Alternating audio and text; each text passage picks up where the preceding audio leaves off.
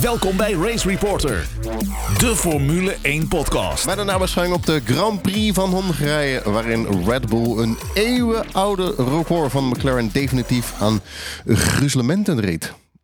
Red Bull heeft het oude record uit 1988 van McLaren verbroken door 12 keer op rij te winnen. Red Bull evenaarde te, uh, tegelijkertijd McLaren's record, hetzelfde record, voor het winnen van de eerste 11 races van, uh, in één seizoen. Het was het 250ste podium van Red Bull. Uh, Verstappen's winstmarge van 33,7 seconden was de grootste sinds die van Lewis Hamilton bij de Russische Grand Prix van 2021. En Verstappen wordt de vijfde coureur in de geschiedenis die zeven op een volgende races wint. Vettel heeft het record in handen met negen races op rij. En Verstappen leidde vandaag voor de elfde keer in zijn carrière van start tot finish en bracht hem op gelijke hoogte met Sir Jackie uh, Stewart en Michael Schumacher. Zoals jullie uh, horen ben ik uh, verkouden. Ik was afgelopen weekend erg koortsig, maar ik ben blij dat ik erbij ben in ieder geval. aflevering 153 van Race Reporter, seizoen 7 van deze onafhankelijke Formule 1 podcast. Verkoude, verkoud Don Lucas Degen met beide Jeroenen. Jeroen Nemmenau is hier autosportschrijver een boek uh, Formule Hopeloze en Volgas Magazine. Je, je hebt vakantie, had ik begrepen. Ik heb vakantie, ja. ja ik ben deze week begonnen, ja. Uh, overigens, zijn we volgens mij aan aflevering 154 bezig in plaats van 53, zoals je zei. Maar dat is weer een klein, klein detail. Uh, maar ja, ik ben inderdaad aan de vakantie begonnen, ja. Lekker hoor. Heerlijk, heerlijk. En uh, Jeroen Scholt is hier, volgt ja. Formule 1 en MotoGP. Ik uh, viel mij ineens op dat ik altijd aan jou vraag de status van MotoGP, maar nooit aan Jeroen Demmenaar vraag de status van IndyCar. dus dat bij deze Jeroen Demmenaar excuus. maar, daar is ook, maar daar is ook al een podcast over, over MotoGP niet natuurlijk. Dat is waar. Uh, nou, volgens mij wel, alleen daar zitten wij niet in. ja, maar geen Jeroen Scholte nee, podcast over MotoGP, dat bedoel nee. ik uiteraard. Nee, dus is er per de facto is er eigenlijk geen podcast over MotoGP. als jij hem niet maakt, ja, dan is, is er geen podcast. Daar heb jij dan weer een heel goed punt. Waar maar die zit ook in de zomerstop, hè, dus er valt ook weinig te vragen. Oh, nou, dat is dan een goed, goede update. Waar gaan we het over hebben, deze 154ste aflevering? De 44ste serie van Max Verstappen. Uh, het tweede opeenvolgende podium van Norris en McLaren. De pol van Lewis Hamilton. De, het ontslag van Nick de Vries. De spannende gevecht in het middenveld. Vooruitblik op de Grand Prix van België. Luisteraarsvragen, dank daarvoor. En als er nog tijd over is, gaan we het hebben over Twitter X en de trofee ter waarde van 40.000 euro die Lendo kapot heeft gemaakt op het podium. Uh, de race, de, uh, er is een uh, zet ik iedere race uit op Twitter, op X. en die kreeg maar twee sterren, vind ik eigenlijk nog veel. Um, ja, het was niet echt de meest spannende race. Verrassende poll, hashtag Team LH ging helemaal uit het dak op Twitter. Uit een dak op Twitter een uh, eenzame zegen van Verstappen met een halve minuut voorsprong. Dat is toch echt uh, wel heel erg spannend. Hè? Of fanta fantastisch. Sorry, ik ben een beetje verkouden. Dus je, merkt dat ik wat wazig klink. excuus ervoor. Dat gaat zeker nog wel meer gebeuren deze aflevering. Um, ja, maar normaal gesproken ben je kraakhelder inderdaad. ja, duel, veel duels in het achterveld.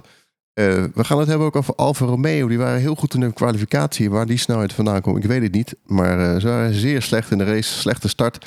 Alpine tweede dit finish op rij. Alonso met zijn slechtste resultaat uh, van dit seizoen. En Ocon heeft nu de meeste dit finish achter zijn naam staan. Vier in totaal. En Lewis Hamilton pakt meer punten dan Ferrari bij elkaar. gaan we het ook over hebben. Over de team, het, het team aan de wall bij Ferrari. Dan het nieuwe kwalificatieformat. Wat vond je daarvan? Verplicht op hard en Q1, medium 2 en soft Q3.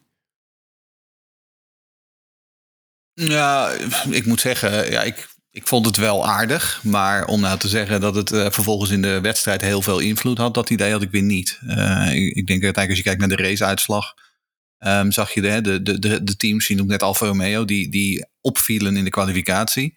Uh, en die daar voordeel van trokken, uh, die vielen net zo hard weer terug. Um, en ik denk dat je ook uh, jongens als Russell en Perez die niet zo lekker kwalificeerden, dat die zichzelf uiteindelijk gewoon weer redelijk goed naar voren reden. Dus uiteindelijk voor het, de raceuitslag en voor het raceverloop heeft het zomaar niet zo heel veel effect gehad. Um, maar de kwalificatie aan zich was misschien ietsjes vermakelijker hierdoor. Um, Maar ja, aan de andere kant, we weten ook niet hoe de kwalificatie verlopen zou zijn als we dit format niet hadden gehad. Dus het is altijd een beetje lastig vergelijken. Nee. Ja, ik zie er ook niet zo heel veel voordeel bij of nadeel bij. Ook niet. Nou ja, goed, nadeel vind ik als je kijkt vooraf, weet je, iedereen heeft een beetje dezelfde banden over naar kwalificatie. Dus daar heb je wat minder strategische mogelijkheden in, denk ik. Uh, en voor de rest, ja, weet je, Q3 was ontzettend spannend. Maar ja, iedereen rijdt gewoon op twee keer uh, nieuwe softs. Dat is altijd. Dus ik, ik weet niet of daar echt heel veel voordeel in zit. Ik, het enige nadeel wat ik wel echt zag was... Uh, ja, in die vrije trainingen, daar kijken we naar niks nu meer. Hè, want ze hebben veel te weinig bandjes. Ja.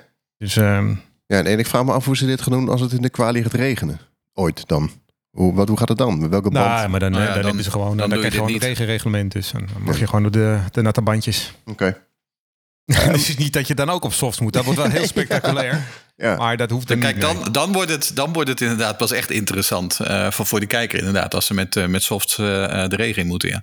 ja. Um, Nee, ja, dus om eerlijk te zijn, ik bedoel, ik, we, hebben dit natuurlijk eerder gehad. Uh, dat we hier komen om deze reden natuurlijk ook de sprint. Uh, kijk, Liberty en de VIA zijn bezig met gimmicks om, om de show leuker te maken. En om maar, laten we maar weer eens wat anders pro proberen.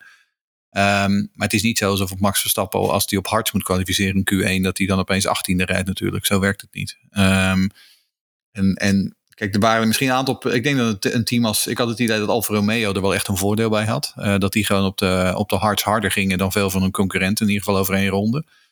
Maar uiteindelijk is het ook weer zo. Ik bedoel, als je kijkt, tuurlijk, er stonden geloof ik zeven teams bij de top 8 in, de, in Q3. Maar het waren ook wel weer een hoop van de, van de usual suspects natuurlijk. Die, uh, die wel gewoon om de pole aan het strijden waren. Kijk, en dat het uiteindelijk zo was inderdaad dat Hamilton uh, dan net iets sneller was en de pole pakte. Jeroen zegt net al, ze reden sowieso allemaal op softs. Dus Q3 was exact hetzelfde als, als, als normaal in die zin. Alleen ja, je had nu een aantal verrassende namen ertussen. Maar ja, nou ja, had natuurlijk een waardeloze start. Dus die waren we binnen no time al kwijt. Uh, Bottas ging ook niet echt lekker. Dus die waren we ook binnen no time kwijt. Alpines waren binnen no time weg. Ja, en dan heb je uiteindelijk gewoon weer de, de usual suspects vooraan. Ja, de, de top 5 teams stonden volgens mij allebei allemaal in de top 10 met twee auto's, toch? Of, uh... Maar goed, nee, nee, dat was niet waar. Want Hulkenberg stond erbij. En je had natuurlijk... Uh, nee, nee, van de race bedoel ik. Ja, oh, van de race. Ja, ja, ja, ja dat ja. Ja, exact. Ja. ja. dat is het inderdaad, ja. Maar... Ik moet, eerlijk, nou, ik moet ook eerlijk zeggen, van, ik, ik vind quali al, al jaren echt geweldig zoals het nu is. Dus ik vind ook, van mij hoeft dat allemaal, hoeven we niet aan de quali format, hoeven we helemaal niks te tornen. Ik vind altijd als iets, uh, een winnend team hou je ook uh, gewoon in, Hè, op uh, hou je ook gewoon als hetzelfde team. En, en dat vind ik, uh, vind ik bij dit ook. Ik vind kwalificatie geweldig. Dus blijf er alsjeblieft vanaf. Nou ja, je hebt ja. doorgaans is de kwalificatie ook gewoon het leukste deel van het weekend. Um, ja, vaak bedoel, dat, vond ik in ieder geval, dat vond ik in ieder geval dit weekend wel. Um, ik vond de kwalificatie een stuk leuker dan de wedstrijd. ja. ja, hoewel ik vond het persoonlijk vind ik dat er wel heel negatief over de wedstrijd wordt gedaan. Ik vond het niet zo heel slecht. Ik bedoel, ik vond, kijk natuurlijk, Max is afgetekend, weet je, maar daarachter heb ik toch best wel met. Ja? Heel goed was het ook niet. Um, nee, nee, het was niet, het was heel, niet slecht, heel goed maar... of zo. Maar het, het, wordt net gedaan alsof het echt een, een ontzettende snoezer, denk ik. Nou, ah, dat valt ook wel mee. Ik bedoel, ik heb toch wel een aantal... Uh, Russell vond ik een hele leuke race rijden. Perez reed een aardige race. Er waren nog wat meer uh, aardige duels, vond ik. Uh, dus ik heb me nog wel weer redelijk, redelijk vermaakt. was geen klassiekertje natuurlijk. Maar, nou, oké. Okay. Het is, ja, het is, het is jammer voor de show dat Max zoveel sneller is dan de rest natuurlijk. Ja. en het is jammer dat het niet nog vijf rondes duurde, want dan had ik dat gevecht tussen Hamilton en Norris nog wel even willen zien. Ja, klopt. Ja. Mm, dat is dan jammer. Maar ja. Of was het Hamilton, Hamilton en Norris? Hamilton, en, Hamilton, en, Hamilton en Perez, sorry. Ja, ja. ja klopt. Um, dat was een vraag van Remco trouwens. Uh, Kevin Heim uh, Geheimdaten, die heeft uh, ook een vraag gesteld. Hoe zit het nou met die pitstopregel voor twee seconden? Kunnen jullie dit uitleggen? Oh ja, een goede vraag, ja. Ja, was gisteren inderdaad ook al via Twitter. Of via X, heet het tegenwoordig, geloof ik. uh, uh, nee, ja, goed. Kijk, die, die twee seconden regel, dat hebben ze ooit... Die is er nooit geweest. Het is nooit een twee seconden regel geweest. Het is alleen tussen de verschillende onderdelen ik van het ook hoor. Ja, maar het is tussen de twee verschillende of tussen de verschillende onderdelen van de pitstop. Daar moet je nu. Er zit een, een, een tijdintervalletje in, zeg maar. Dus als jij de laatste uh, wheelgun van de, van de laatste band afhaalt, zeg maar, dan moet er iets van 0,2 seconden tussen zitten. Ja. Voordat.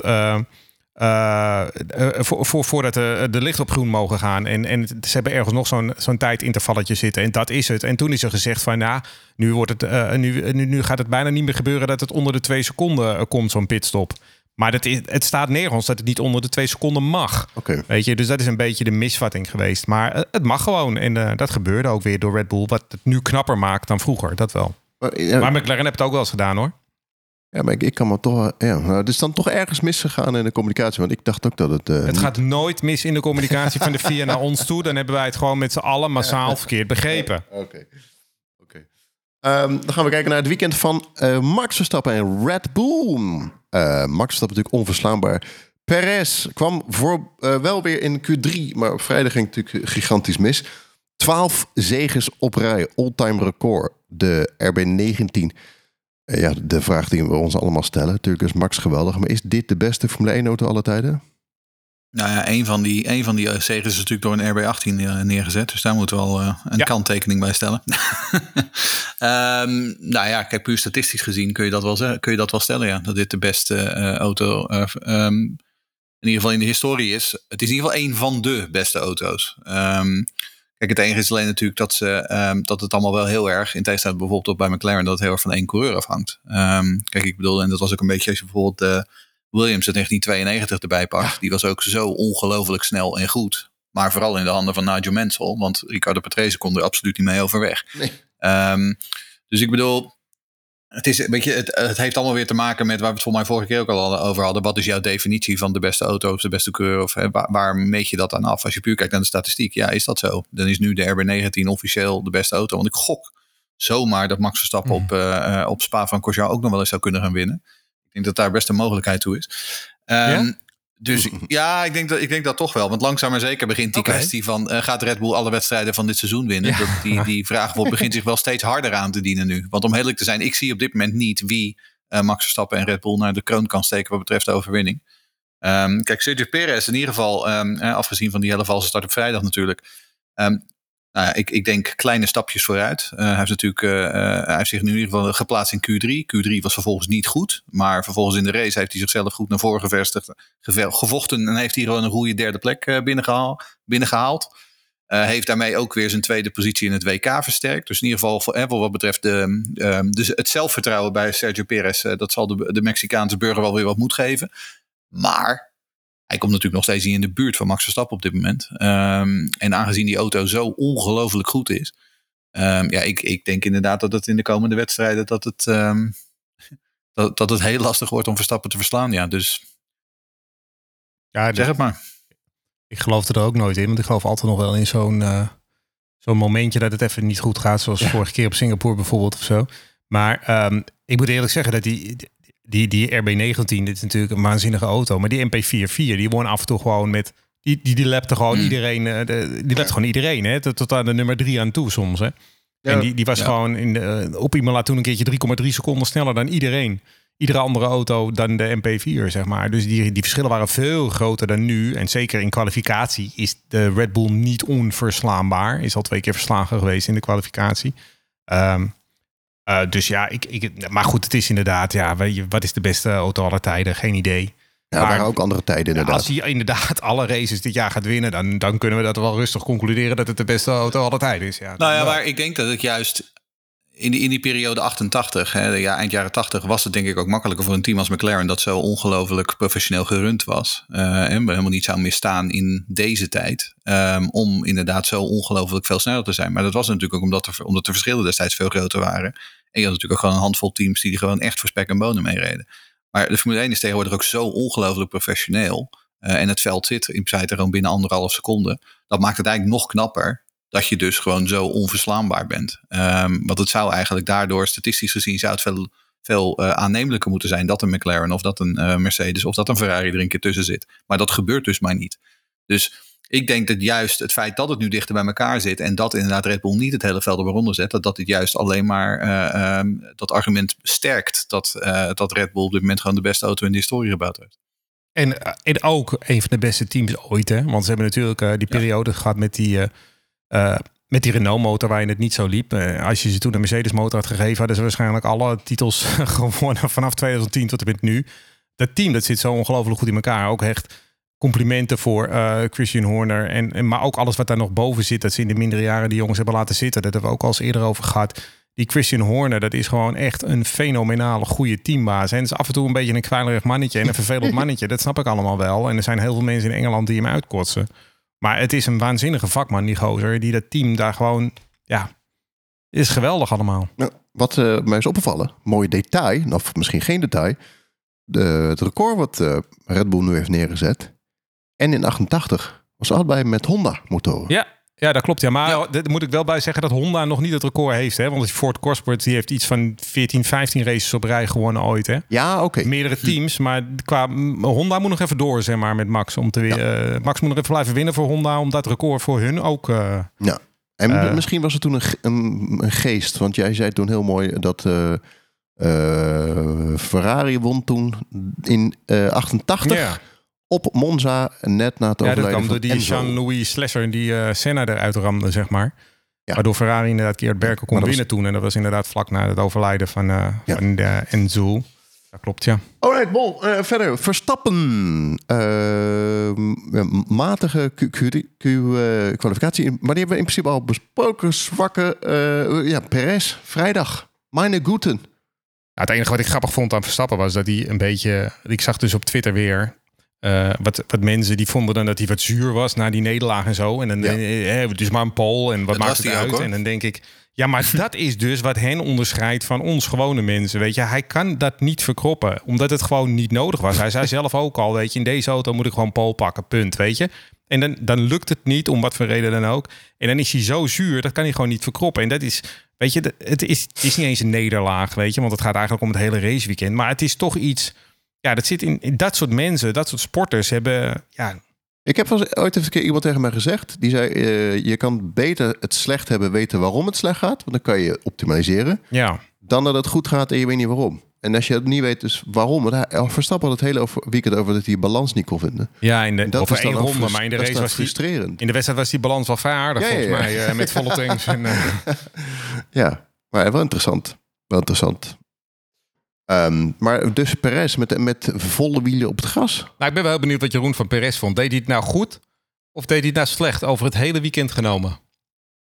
Nou, ik denk dat hij zich uitstekend hersteld heeft. Want laten we wel wezen, wat natuurlijk gebeurde in FP1 was gewoon echt heel, heel slecht. Ehm, kijk, en dan heb je natuurlijk altijd weer een, een subset op Twitter die zich daar heel erg over verkneukelt. Het zijn dezelfde mensen die doorgaans geen enkele mogelijkheid onbenut laten om Hamilton zwart te maken. Het is een beetje, beetje vervelend volk, vind ik dat. Maar ehm, kijk, het, het probleem met, met Perez is natuurlijk vooral, er gaat gewoon, er zit gewoon iets niet goed bij die jongen. Eh, en dan is dat A, dat is A, zelfvertrouwen. B, er is iets in de privésfeer. Of C, het is een, iets in de, iets, een combinatie van die twee. Um, kijk, ik denk inderdaad, um, wat, wat we hebben Perez al 2,5 jaar aan, de slag gezien bij Red Bull. En doorgaans doet hij dat gewoon prima. Daarvoor was hij ook een zeer betrouwbare coureur.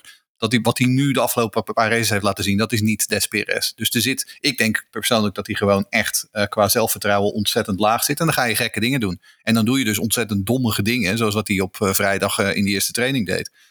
Um, als je dan bedenkt dat hij uiteindelijk, volgens mij in die vrije training op zaterdagochtend was hij gewoon netjes derde. Um, en vervolgens in de kwalificatie, nou ja, ja, Q3 was dan niet geweldig. Maar goed, hij, stond, hij haalde die Q, Q3 in ieder geval weer. Um, en in de race heeft hij zich uiteindelijk gewoon uh, van achteruit, toch met ook geholpen door een hele goede uh, race tactiek van, uh, van Red Bull, heeft hij zichzelf goed naar voren gereden. Een aantal stevige gevechten uitge, uitgevochten. Ik denk dat het hem wel weer wat zelfvertrouwen zal geven. En ik hoop ook dat het, dat, dat voor het team, dat het team moet hem daar natuurlijk ook bij helpen. En Horner doet dat heel goed. Horner, in, in ieder geval publiekelijk, uh, geven ze hem constant al de steun. Uh, Horner herinnerde de wereld er ook nog even aan dat hij gewoon een contract heeft tot en met eind volgend jaar. Um, ik denk dat dat goede zaken zijn. Maar ja, hij moet het wel uiteindelijk zelf doen. Um, dus ja, hij heeft het. Ik denk dat hij uiteindelijk gezien hoe slecht hij ervoor stond op vrijdagochtend. denk ik dat hij het heel aardig gedaan heeft. Maar nu moet hij dat doorvoeren in, in België natuurlijk. Dat is wat hij, ik vind. En hij staat inmiddels een puntje of 40 voor op de nummer 3 in 2K. Uh, want ik las ook ja. wat mensen die zeggen: nee, Perez gaat eruit uh, voor het einde van het jaar is doorgaat. Dat gaat never nooit gebeuren. Red Bull is nog nooit eerst en tweede in 2K geweest. En dit is gewoon hun enige kans. Dat als ze hem gaan vervangen, dan worden ze dat dus ook niet. Um, nee, die blijft gewoon keurig zitten en die dient ook 2024 uit. Alleen daarna is het denk ik wel klaar. Dat zou heel goed kunnen, ja. Dat, uh, dat zou me ook niet verbazen. Um, en, het, weet je, en om eerlijk te zijn, ik wil, als we het dan toch hierover hebben. Er gaat natuurlijk het verhaal dat Ricciardo bij Alfa Tauri is neergezet. Ook deels om Perez uh, een beetje scherp te houden. En ook uh, om te kijken of eventueel Ricciardo op termijn weer terug kan naar Red Bull. Ehm, nou ja, daar zal hij natuurlijk ook. Hij zegt wel dat het hem helemaal niks kan schelen. Maar ja, dat, Ja. Sergio, Sergio Perez zegt. Sergio Perez zegt wel vaker wat, publiekelijk. En nou ja. Hè? Ehm, maar ik denk dat hij Het, wel het degelijk was zeg maar eh, het eerste wat door mijn hoofd heen schoot toen hij na drie minuten in die, rail, in die vangrail stond. Toen dacht ik, nee, ja, maar Ricciardo. maar dat was misschien dat ook een je beetje toeval hoor. Maar, ja. Nee, maar ja, maar dat was er ook zo. Het was ook die, de, in- de regie was ook geweldig. Van, hé, hey, Ricciardo is terug. Welkom Ja. Ricciardo. En vervolgens het volgende shot was Perez die in de banden hing. Ja. Nee, maar weet je, tuurlijk, Perez weet ook dat, hij, dat dit gaande is. Ehm, aan de andere kant, ehm, Ricciardo is een beetje roestig. Die moet nu inderdaad laten zien dat hij dit kan. Nou, het een goede generale, denk ik. Hij is lekker begonnen. Eh, zowel in de kwalificaties in de race sterker, eh, sterker dan Tsunoda. Eh, nou, dan- nu moet hij dat even volhouden. Ehm, en dan moeten we kijken in hoeverre Perez dit volhoudt. Want dat is natuurlijk de volgende vraag. Kan Perez zich weer herstellen? Want ik bedoel, Perez, eh, eh, door de band genomen, is hij natuurlijk gewoon een perfecte adjudant voor Max Verstappen geweest. Eh, en veel beter dan al zijn voorgangers. Eh, en hij ligt nu gewoon op koers om tweede in het kampioenschap te worden. Ehm, wat natuurlijk gewoon het maximaal haalbare is voor hem. Dus eh, in, in die zin, ik, ik, denk, ik ben het met je eens. Ik denk dat hij zeker er niet voortijdig uitgaat. Ehm, maar ik hoop, ik hoop gewoon dat hij, dat hij dat zelfvertrouwen weer terugvindt. Dat is wat ik, eh, dat is wat ik hoop. ik, ik moet wel heel eerlijk zeggen. Je, je kan soms fouten maken in een Ik raceauto. wou net zeggen. Maar en je kan ook het gras af en toe schampen, Ik zeg maar. maar met een volle Pirelli op het gras terechtkomen, dat vond ik wel heel erg knullig hoor.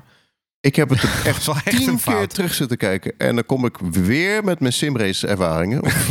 maar dit doe je, dit, welke rijder hebben wij dit ooit zien doen in die bocht? Nou, misschien Op was, je, gewoon- vrijdag. misschien was je afgeleid of oh, ik heb geen idee. Maar ik vond het wel heel erg een merkwaardig moment inderdaad. Ja, ik vond het wel heel Maar, dit is dus het, dat is dus het punt. Want ik bedoel, we hebben natuurlijk niet alle, alle, alle informatie hier. Weet ik veel. Misschien dat hij, had hij tegelijkertijd zijn engineer die in zijn oor zat te tetteren. En zei van, ook kun je op het sturen, joh, even dit en dit knopje. Weet ik, weet ik het. Dat weten we niet. Ehm, kijk, eh, dat het knullig is, ja, dat is ongetwijfeld zo. Maar weet je, ik, ik, geloof er nooit zo in om iemand... Ja, tuurlijk, tuurlijk, dat is wel zo. Ehm, maar nogmaals, ik geloof er nooit zo in om iemand die al op de grond ligt... om die nog wat verder de grond in te Dat trappen. is waar. Eh, het, is het is duidelijk dat Sergio Perez gewoon op dit moment niet lekker in zijn vel zit. Dat hij wat, ehm, in ieder geval vanuit het, eh, het team wat steun nodig heeft. En ik hoop inderdaad dat dit weekend hem, hem wat extra vertrouwen geeft. Daar hoop ik op. Richting België. Laten we het hopen.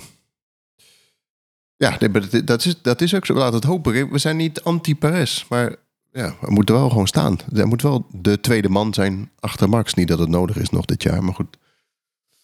Nou ja, wel, want je wil eerst de tweede worden in het WK. Ja, eh, natuurlijk dat. nooit Maar ik bedoel op de dus, baan. precies. Ik bedoel als backup. Absoluut. Nee, hij heeft Ja, hem, niet. Kijk, het is niet als een. Het is niet zoals in 21. Kijk, in 21 was hij een aantal keer. Had, had, had Verstappen echt voordeel van hem, inderdaad. Ehm, en ik denk dat het inderdaad. Op dit moment kan Verstappen. Die redt het in zijn eentje ook wel om, WK, om wereldkampioen te worden. Heb ik, heb ik best wel vertrouwen in hem. Aangezien hij nu halverwege met 110 punten voorsprong, voorsprong het WK gaat. Oh, dat zou kunnen. Ja. Ik denk ook, ja, ik denk wel dat dat zou kunnen. Ik denk dat Max wel Klopt, maar titelkandidaat het, maar is. het, moet, het, het moet niet zo worden dat, dat op een gegeven moment eh, het een soort strol bij Red Bull gaat worden. Nee, maar daar heb ik- Alonso. nee, maar dat is het ook niet. Nee, maar nogmaals, het is twee, Maar hey, ik- hey, ik moet- nogmaals, 2,5 2,5 jaar zit hij er al. Hè? Ik bedoel, we hebben het nu over de laatste vier, vijf races. Maar daarvoor eh, eh, stonden ze met z'n vijf in de eerste vijf races telkens eerste of tweede. Ik bedoel, hij heeft gewoon een Je dipje. Zo gelijk. simpel is het. Je hebt gelijk, En als het goed Steef. is, heeft hij zich daarmee gisteren weer een beetje hersteld. En gaat hij nu weer een stijgende lijn inzetten. En zo niet, nou, dan zien we het, dan zien, dat zien we dan later dit seizoen hoor. Maar ik moet wel heel eerlijk zeggen dat het daardoor ook wel een beetje moeilijk is om die RB19 nou echt in te schatten. Want is het nou echt Max die continu het verschil maakt? Of als je Albon erin zet, weet je dat hij er misschien dichter op zou zetten? Of een andere coureur? Als je ik, ik- dat- is soms wel lastig, want ik vind hem- hij draait gewoon Nou, een matig jaar. Misschien moet jij, moet jij even testrondes gaan maken. Dan. Nou, misschien. Ik, ik, ik wilde jou in je simraces voorstellen dat jij dat met die RB19 eens even gaat maar ja, kijken allemaal. Nee, maar het is wel een punt. Je hebt wel een punt inderdaad. Maar ja, die auto is gewoon heel goed. Nou ja, maar is het niet Ja. gewoon dat Sergio Perez gewoon Rubens Barrichello bij Ferrari is, jongens? Ik bedoel, Rubens Barrichello werd ook gewoon tweede. eh, en die had geloof ik het helft aantal punten van, van Michael Schumacher. Ehm, ik bedoel, ik, ik denk dat daar gewoon uiteindelijk is waar het op neerkomt. Sergio Perez is niet van het kaliber Max Verstappen. Vrijwel niemand is van het is- kaliber dat Max is prima. Verstappen. Dat is prima. Ja, maar En dan is het een auto die soms misschien volgens mij een beetje lastig nee, maar is. kom op. Als je maar Het zal vijf keer niet een auto zijn Q3... die ook... Het, Het het grote, ook een auto zijn die deels, eh, grotendeels om Max Verstappen heen gebouwd is. En op zijn voorkeur is aangepast. En waarom zou je dat niet doen als je Red Bull heet? Ehm, en dus ja, dan moet je als Perez zijnde, zij à la Jos Verstappen in 1994 en Johnny Herbert in 1995, dan moet je het er maar gewoon mee doen. Ja, wel, maar het grote schandaal, weet je, toen in Oostenrijk in de, in de zesde race van het seizoen, dat, eh, dat, dat eh, Barrichello Mm. aan de kant moest voor Schumacher. Dat was omdat Barrichello dat weekend gewoon een klap sneller was dan Schumacher. En, en Ja. dat soort momenten, dat mis ik bij Perez wel. Bottas had het ook wel ten opzichte van Hamilton. En eh, Hmm. ja, één of twee van die races per jaar moet je eigenlijk wel hebben. En dat heeft hij echt nooit. Nou, hij was vorig jaar in Monaco. hij heeft was natuurlijk wel eens een race gewonnen, maar er was altijd wel iets met Max aan de hand, zeg maar. Het was Ja, niet nee, zo is dat hij Baku. afgetekend de snelste Ja, was of zo. Baku, Baku hadden we. Ja, dat was ook een momentje. Daar, ik weet niet meer precies. Oh, dat was met een incidentje met Russell, een dingetje. En we- weet ik het dat allemaal nog niet. Maar goed, in ieder geval, ik heb dat nog niet echt gezien, die overtuiging in een wedstrijd. We gaan het zien. Dan gaan we kijken naar de gevechten in de subtop. Opnieuw een podium voor Norris. Die gasten hebben echt heel veel eh, eh, vooruitgang geboekt.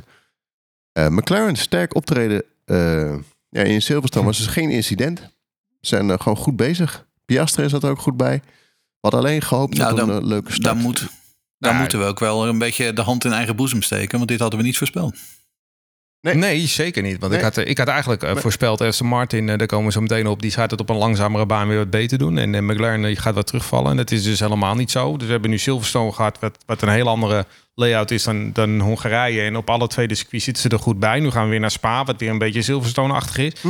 Ja, ik, ik denk dat McLaren daar ook volop mee gaat doen. Om die tweede plek Ja. in ieder geval, om die plek achter Max. En ik, ik, ik, ik pet je af, want we hebben het over, over Red Bull, wat natuurlijk eh, domineert. Maar de stap die McLaren dit seizoen heeft genomen, dat heb ik echt zelden gezien bij een team. Ja. Die hebben, echt, die hebben echt enorm veel gewonnen hoor. Dat is echt bizar. Ja, het, is, En- het is echt ongelooflijk. Ja, dat is echt ongelooflijk. En dan moet ik ook nog een complimentje maken als Lando Norris. Want ehm, ja, die heeft natuurlijk de afgelopen jaren altijd al goed gereden. Weten dat het een talent is. Maar hoe groot is hij nou precies als talent? En Ricciardo was natuurlijk ook een slechte graadmeter. Ehm, eh, maar ik bedoel, we hebben nu Piastri. Dat is gewoon een, rookie nog. Dus dan moet je ook niet alles... eh, maar die komt ook als, hè, als, als, als, als hot new boy komt hij daarbij. En Norris, die doet ook helemaal niks verkeerd op Piastri. Want die doet het uitstekend. Maar eh, Norris laat wel echt zien dat hij gewoon de grote kopman is. Hè. We hebben ooit iets met Vettel natuurlijk, dat Leclerc ernaast kwam en zo. Dat, dat Leclerc dat toch wel overhand nam. Eh, Norris blijft gewoon zijn ding doen. En die maakt nooit fouten, is gewoon snel, haalt er alles uit. Ik vind echt petje af voor Lando Norris, moet ik eerlijk zeggen. Die is zo onderhand echt wel toe aan een winnende auto. En misschien is hij ook wel de eerstvolgende man na Max Verstappen die een race gaat winnen. Dat zou Nou, zomaar kunnen. Nou, en hij wordt, ook, hij wordt inmiddels ook al in de wandelgangen genoemd als eh, ehm, een vervanger van Perez per 25. Ehm, nou, ik denk, dat, ik denk dat heel veel af zal hangen van eh, hoe McLaren zich blijft ontwikkelen de komende jaren. Dat ja. Ehm, maar ik ben het met je eens. Ehm, kijk, hij heeft natuurlijk in principe Carlos Sainz al gewoon naar huis gereden eh, in dat ding. Vervolgens inderdaad met Ricciardo, daar heeft hij ook geen spaan van heel gelaten. En het grappige is dat hij zelf nu zegt dat hij eigenlijk dat Piastri eigenlijk de eerste is die hem een beetje scherp houdt. Ehm, en Piastri heeft begin dit seizoen echt heel veel pech gehad. Hij is ook heel veel stuk gegaan aan die auto. Toen, ze, toen worstelden ze echt. En je ziet nu dat, dat nu ze in een auto zitten die gewoon toch wel gewoon echt een stap voorwaarts gemaakt heeft. Dat ook Piastri gewoon echt goed bijblijft. Eh, uiteindelijk is het wel zo dat hij in die tweede of die derde stint... dat hij wel echt eh, eh, tijd begon te verliezen op Norris. Op een gegeven moment ging Norris geloof ik een halve seconde per ronde sneller. Ehm, maar dan nog, ik bedoel, Norris wordt tweede en, en Piastri uiteindelijk vijfde, geloof ik. Ehm, dat is nog steeds natuurlijk gewoon een uitstekende prestatie. Ehm, en, en ja, het zou wel leuk zijn als McLaren op deze manier doorgaat. En dat ze tegen het einde van het seizoen dat ze ook echt mee gaan doen met Aston Martin, met Ferrari, met Mercedes. Om die plek achter, achter Red Bull. Ik eh, begin een beetje fan te worden ook van Piastri. Jullie zeiden het eh, in de vorige aflevering dat hij zo rustig is. al. Ja, maar ook gewoon zijn karakter. Hij is heel rustig. Ja. Hij er gaat Ja, niet zo mee in de, ook. in de socials. Maar ook dat zijn engineer Nee. vroeg toen hij soort van een beetje van de baan werd gedrukt. Dat, Ja, Piastri goed, zelf niet zei, you push me off the Goed, track. hè? Dat zijn engineer Goed, hè? moest vragen, eh, hoe Ja. zag je het? En dat hij zei van, ja, ja, hij gaf me niet heel veel ruimte. Nou, het mooiste Maar was, dat zijn engineer vroeg, radio. Vond ik Did he, push you off the, did he push you off the track? En hij zei geen ja. Hij zei alleen, ja, he didn't leave me a lot of space there. En dat zei hij heel kalm. En dat, dat, daar stond ik ook van te kijken. Ik denk, ja, precies. Niet mekkeren, gewoon doorgaan. Je weet dat je verslagen bent. Eh, echte racer. Ehm, En wat je zegt, ja, het, het is een, heeft een hele kalme, ehm, maar bijna eng kalme eh, persoonlijkheid. Ehm, ik, het, het is echt een, echt een sleeping assassin. Maar niet, die wat, niet dat, dat Kimmy had. Een andere kalmheid. Ja, het Ah, heet een ook beetje, nou, een beetje wat. Kimmy had eigenlijk wel bijna. Ik vind hem een beetje een Kimmy-achtig eh, eh, uitstraling hebben soms. Ja, misschien niet de humor, maar het is dat. dat hij heeft, Nee. hij heeft- ik, denk, ik denk dat die rust ook wordt ingegeven door een bepaalde mate van zelfvertrouwen. Hmm. Ja. Je zag het bij eh Ja, ik Verstappen ook. ook heel vaak in de tijd dat die, eh, dat die Red Bull nog niet zo goed was en zo. Hij was altijd ook, daar was hij altijd ook heel rustig in, zeg maar. Is, heeft hij iets van Prost, le professeur? Die kalmte, de... Ja. Nee. Is dat nog te vroeg? Ja, dat, dat, nee, Pro, want misschien, Prost maar- was lang niet altijd even kalm hoor. Oké. Nee, nee, Prost was ook iemand die hield ook wel van relletjes en controversies. En ik denk Oh, niet dat absoluut, Piastri ja. dat is. En eh, qua rijden denk ik dat Piastri veel meer one-lap pace heeft dan Prost had. Want dat viel wel tegen bij Prost af en toe. Ehm, dus nee, ik, ik, dat, dat zie ik niet echt. Nou, Nog. gaan we weet je, kijk, en, en dat is dus wel het verschil wat je dan ziet. Dat Norris, die is al echt een paar jaar verder. En die heeft dan uiteindelijk gewoon toch meer ervaring. En die weet uiteindelijk dan toch nog, weet je, misschien die laatste 2% uit die McLaren te persen. En daarom wordt hij tweede.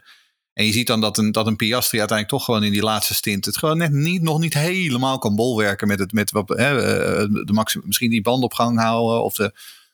Maar dat maakt helemaal niet uit. Wat, we, wat, wat je niet moet vergeten, dit was de elfde Grand Prix, hè? Ik wou net zeggen. Ehm, hij, ziet, hij, ziet al die hij ziet het gros van die banen voor het, voor het eerst. Hij ziet eh, de andere helft van de banen, die ziet hij voor het eerst in de Formule 1 waren. Ehm, ik bedoel, voor iemand die, een, die als rookie inderdaad al die banen afgaat. Hij, ik vind dat hij het ontzettend goed doet. En, en juist nu, weet je, je ziet dus ook nu zo, dat als, als een auto naar voren gaat, dat het niet alleen Norris is die meteen een sprong maakt qua resultaten, maar ook Piastri. Piastri volgt in zijn kielzog. Ehm, en dat vind, ik, dat vind ik heel erg indrukwekkend. En wat over zo'n vraag van Nou ja, goed, Alex Nijhuis. ehm, die- vroeg waarom werd Norris als eerste binnengehaald om zo de undercut op Piastri te doen? Heeft McLaren een duidelijke eerste en tweede rijder? Ehm, en dat was natuurlijk omdat eh, Piastri beter weg was bij de start en Norris zat erachter. Ehm Zack Brown die legde gisteren na afloop van de race uit dat dat vooral was om eh, Hamilton af te dekken. En dat ze daarom Ja. Norris als eerste naar binnen haalden. Dus het was gewoon puur een tactische beslissing voor het team. Eh, hij zei ook expliciet dat ze geen eerste en tweede rijder hebben bij McLaren. eh, en dat dat hier ook niks mee te maken had. ik geloof dat nooit. dat is echt geloof was- ik nooit. Mm, nou, ik geloof dat eerlijk gezegd wel, om eerlijk te zijn. Want het zijn namelijk hele verschillende rijders. Dus ik denk ook dat je op die manier, je hoeft ze ook niet zoda- zodanig te, te klassificeren. Ehm, eh, kijk, ik bedoel wat Jeroen eerder al zei. Waar. Norris, Norris laat zich gewoon als de ervaren man en als de eh, eh, eh, ge- getipte teamleider laat zich al voldoende gelden. Dus je hoeft dat helemaal niet zo uit te drukken. Ja, precies. precies. En dan moet ik ook nog even bij aanmerken dat eh, in alles eigenlijk, behalve dan misschien de auto de laatste tijd, vind ik, vind ik McLaren inmiddels als team Ferrari voorbij. Hè? Als je kijkt Oh, naar de strategie gisteren, Oh, wat, wat. Jeroen ook zegt, van eh, eerst, Nor- eerst Norris binnenhalen om, om Hamilton te kofferen. Oh, oh. Eh, maar ook de pitstops, het klopt allemaal perfect, moet ik heel eerlijk Die zeggen. En- boordradio. Maar daar gaan we het ja, zo bij Ferrari, daar gaan we het zo meteen over hebben. Ja. is het allemaal, weet je, allemaal chaotisch en moeilijk. En, en bij McLaren, het is gewoon weer, Ja, ja, zoals ja van fantastisch. kennen, Compleet, zeg maar. Ja, precies. Het doet mij een beetje denken aan Jacques Villeneuve. Niet per, se zijn rijgedrag, maar het eerste jaar dat Villeneuve eh, kwam. Een beetje op afkijken van heel. Het eerste jaar gewoon rustig aan. En dan, ik, en dan, ik denk dat, dat Piastri volgend jaar echt, echt gaat, eh, gaat vlammen. En misschien zelfs wel eh, de tweede deel van dit jaar. ja, ja goed, dat, dat, dat zal vast wel, ja. Dat zou zomaar kunnen. Kijk, het punt is, Ja, ik vind eh, dat, ik bedoel, als je, als je, Piastri aan het, als je Piastri aan het werk zag in de, in de juniorklasse, eh, eerste seizoen Formule Renault, meteen kampioen. Eerste seizoen Formule 3, meteen kampioen. Eerste seizoen Formule 2, meteen kampioen. Ik bedoel, het is echt, echt waanzinnig wat dat joh eh, eh, deed voor de Formule 1. Ehm, kijk, en dan is de Formule 1 altijd net iets moeilijker dan de, dan de, dan de Formuleklasse. Dat is gewoon zo, omdat daar natuurlijk gewoon de beste coureurs van allemaal zitten. Dus dan is de, is de tegenstand wat zwaarder. Maar je ziet gewoon dat er pure klasse in deze jongen zit. Eens? Ja. Lewis Hamilton. Hashtag Team eh, LLH. LH ging helemaal uit zijn dak op, eh, op X ja, afgelopen weekend. beetje wisselend weekend voor hem. Want ik vond hem Ja. van hemzelf. Want ik vond hem geweldig in die pole app. Want ik denk echt dat die, wat Max ook zei, hij moet in die RB19 gewoon pole rijden. En ik denk dat deze pole van Hamilton gewoon op konto komt van Lewis Hamilton. Er zijn maar heel weinig mensen Ja. die op dat moment die ronde kunnen rijden, denk ik. Ja. Maar wat ik dan weer als 100, negatief... 105% uit die auto halen. Ja. Maar wat ik dan Ja. weer als... Nou, 104 procent, want dat is 104 pole. Maar wat, ik dan, wat ik dan moet zeggen... Wat ik dan weer minder aan hem vind... is dat hij bij die start... Kijk, dat je een mindere start hebt... daar reken ik niemand op af, want dat kan een keer gebeuren. Maar dan zie je al dat... Verstappen zit al aan je binnenkant. Ja. En dan weet je wat Verstappen doet. Die gaat net iets later remmen... zodat jij nog harder moet remmen. Dus wat hij had moeten doen... gewoon terug naar de lijn... en de wijde bocht nemen. In de, dan heb je veel meer snelheid... neem je mee die bocht in... en dan blijf je voor die McLaren's. Ja. En nu, omdat je zo hard moet remmen vanwege Max... ja, eh, schiet Ja. eh, Piastri binnendoor en Norris Ja. komt er lang. Ja. En dat vond ik wel Hij een zei ook beetje... sorry. Hij zei ook sorry. En dat vond ik wel een beetje... dat ik denk, je laat je ook een beetje... Misschien is het omdat het Verstappen is... want zijn onderling natuurlijk niet altijd even close met elkaar. Eh, maar je laat je ook wel een beetje piepelen... want je weet dat Max dat gaat doen. Dus pak gewoon je eigen lijn. Neem je verlies. Want je weet ook, Max zit aan de binnenkant. Je bent de bocht al kwijt. Ja. Die is gewoon weg. Dus dat vond ik daar Ja, maar jij- minder van hem. Ja, en vervolgens rijden de hele wedstrijd achter die McLaren staan. Ja, Maar wat jij Ja. net zegt over ehm, Max Verstappen... die een, een, een poleverlies op 3000 van een seconde niet kan verkroppen. Kijk, dat is Hamilton zit natuurlijk exact hetzelfde in elkaar. Dus jij zegt neem je Ja. verlies. Ja, dat, dat staat niet in het woordenboek van Hamilton. Nee. Hamilton neemt zijn verlies niet. Eh want maar het punt is namelijk, de rest, van de, de, rest van, eh, de, de rest van de race... hoor je hem over de radio alleen maar mekkeren over hoe slecht die auto is. Ehm, weet je, want Ja. eh, en op een gegeven moment zei ze tegen hem... ja, misschien kun je wat meer pushen. Hij zegt, meet, wat, denk je dat ik aan het doen ben? Het gaat niet harder dan dit. Eh, weet je, en dan zit ook bij hem dat zure erin. Want ook hij is namelijk Ja. iemand die gewoon altijd wil winnen. En als Ja, hij niet tuurlijk. wint, ja, dan is hij gewoon eh, niet, niet lekker in zijn hum. Zo is het. Het zijn gewoon allebei geboren winnaars. Ehm, kijk, verder heb je natuurlijk gewoon gelijk. Maar ja, dat is natuurlijk hè, nu eh, 24 uur later... terwijl we hier in onze podcast- podcaststudio zitten... is dat makkelijk eh, redeneren. Maar als je achter het stuur zit daar... Ja, dan denk je gewoon, ik ga ervoor. Ehm, en dat is een ja, misrekening. Nou, ik vond wel eh, Toto iets te makkelijk zeggen achteraf van wij hadden de tweede auto. Want eh, uiteindelijk eh, denk ik dat Norris ehm, eh, qua die, die moest natuurlijk, die wilde die undercut maken, die moest als eerste naar binnen. Maar ideaal gezien had hij nog iets langer doorgereden. En ik denk uiteindelijk overal dat Norris gewoon op race pace voor Hamilton heel Ja. moeilijk te pakken zou zijn geweest. Dus ik, ik weet niet of, of zij op race pace de tweede waren. Dat betwijfel ik heel erg. En van Piastri hoorde Ik nog iets, maar ik weet niet of dat zo is, dat zijn auto niet helemaal eh, onbeschadigd was. Klopt. Dat hij op het eind daardoor ook wat eh, problemen kreeg met zijn pace. Maar ik heb het idee dat, dat, dat, dat, dat McLaren zeker niet minder was dan, eh, dan Mercedes op race pace hoor. Nee, volgens mij was McLaren gewoon, net, net als op Silverstone, was McLaren gewoon tweede team. Sterker nog, het, het zou zomaar kunnen dat nu in het verlengde van dit seizoen McLaren gewoon het tweede team is, wat heel erg interessant wordt. Zit dicht bij elkaar hoor, maar ik vond Toto Tuurlijk, daar dat is zo. Maar je ziet, wel, je ziet wel dat de, eh, bijvoorbeeld de Aston Martins en de Ferraris, en daar gaan we het nu over hebben natuurlijk, die, die er zo meteen over hebben, maar die, die eh, zijn echt aan het terugvallen. Eh, die beginnen gewoon echt terrein te verliezen nu, kunnen gewoon niet meer meekomen. Ja, nou ja, Sjoerd Ruiver die vraagt er nog een, stelt er nog één vraag over McLaren. Die pakken we dan nog even mee. Waarom verliest Hamilton zoveel tijd op de McLaren sinds zijn outlap na zijn eerste stop? Ja, dat is ook een beetje het, eh, het aloude probleem van, eh, van deze Mercedes, die W14, maar die W13 had het volgens mij ook al. Eh, ja, die, ze hebben gewoon heel veel moeite om, om, om die banden aan te switchen. Hè. Dat, dat duurt gewoon eventjes bij hen. En ehm, ehm, dat zie je eigenlijk. Nu pakt hij dan toevallig Paul, dus het is eigenlijk een heel slecht voorbeeld dit weekend. Maar de weekenden daarvoor zie je ook altijd dat die Mercedes in, de- in de quali het meer, meer moeite heeft dan in de race. En dat komt gewoon. Ze hebben heel veel moeite om die banden op, op de ideale temperatuur aan te switchen. Bij McLaren gaat dat blijkbaar wat makkelijker. Dus Norris had wel meteen die pace. En ehm, nou, dat, dat, dat is het. Dat is gewoon de verklaring daarvan. En daarvoor verliest hij zoveel in zijn outlap. Mooi, eh, mooi uitgelegd. Ja, maar we moeten het toch over Russell hebben. Of we moeten helemaal Ja, niks. ik vond, maar, wat eh, iedereen zei, of uh, Perez was de man van de wedstrijd, maar ik vond Russell de man van de wedstrijd. Kijk, die natuurlijk, ik heb die, in die kwalificatie mag je hem ook op afrekenen, want daar wordt natuurlijk geen 18 worden in die, in die auto Nee. als je als je teamgenoot Paul pakt. Dat is gewoon heel slecht. ja, Ehm, maar goed, weet je, hij komt wel gewoon even helemaal terug. En hij had die Aston Martins nog in, eh, vecht met Ferrari. Nou, eh, geweldig. een paar mooie moves had hij. maar, Ik vind, ik vind Russell nog steeds, en heel Nederland heeft ook volgens mij een hekel aan hem, maar ik vind hem nog Ja. steeds, hij race als Max Verstappen. Dat Maar- vind ik nog steeds, echt in alles. Hij is, hij bikkelhard in die duels. Ik vind het echt een hele... Op de, in, buiten de baan vind ik het een beetje een proleetje. Maar op de baan vind ik het echt een heerlijke vent. ja, dat is ja, ja twee, twee En hij maakt ook nooit fouten. Net, als- net als Max Verstappen, hij maakt nooit fouten. Eh, want dat die 18e inderdaad, werd, dat lag niet, achter die 18e werd, dat lag niet Nee. aan hem. Dat lag aan, dat lag aan iedereen, behalve aan, aan George Russell. Dat vind ik dan ook altijd wel weer mooi. Ehm, In die zin maar is, hij heel even- anders dan een, is hij heel anders dan een Hamilton, die bijvoorbeeld wel eh, de schuld op zich neemt als hij zijn start verkloot. Of Leclerc, ja. Maar het is een hele vervelende vraag stellen natuurlijk. Maar net als Nou, Perez en Russell. Als jij je slecht kwalificeert en je moet je daarna helemaal terugvechten. Kan je zeggen, ja heel goed, je hebt het teruggevochten. Maar waarom kwalificeer je dan niet gewoon goed? Dan hoef je niet terug te vechten. Nou ja, goed. Ten eerste hebben ze allemaal wel eens een minder eh, dag, minder moment, Prima. minder alles. Dat kan Heb altijd een keer gebeuren. Bij Checo is het een beetje te veel geweest. Kijk, bij, bij Russell heeft normaal gesproken gewoon goede kwalificaties. Hè. Volgens mij staat hij iets van 6-5 achter of zo op Hamilton. Dus dat, dus dat is allemaal een Hmm. beetje gelijk. Kijk, bij Perez mag je dat wel af gaan vragen van... joh, je zou wel iets beter mogen kwalificeren. Eh, maar bij Russell, ja goed, die had nu een slechte kwalificatie. Ja goed, dat, weet je, kan gebeuren. Ik weet niet precies wat de oorzaak daarvan was hoor. Ik heb het niet, misschien dat je dat weet, maar ik heb het niet gezien. Maar ik, volgens mij ha- had hij niet een beetje probleem met die laatste bocht. Dat hij op het eind ook ingehaald werd Ja, nog. En nou, waardoor maar dat is dus misschien nog extra oh, in de ja, remmen moest. ja. banden Dat- ja, maar koelen dat is, dus het, dat is dus het, En dat is dus het grappige, dat, Dat hij dat roept inderdaad. Want Hamilton had namelijk exact hetzelfde probleem. Hamilton stond namelijk ook stil, bijna stil in die laatste ronde. Die werd ook nog ingehaald door een Ferrari.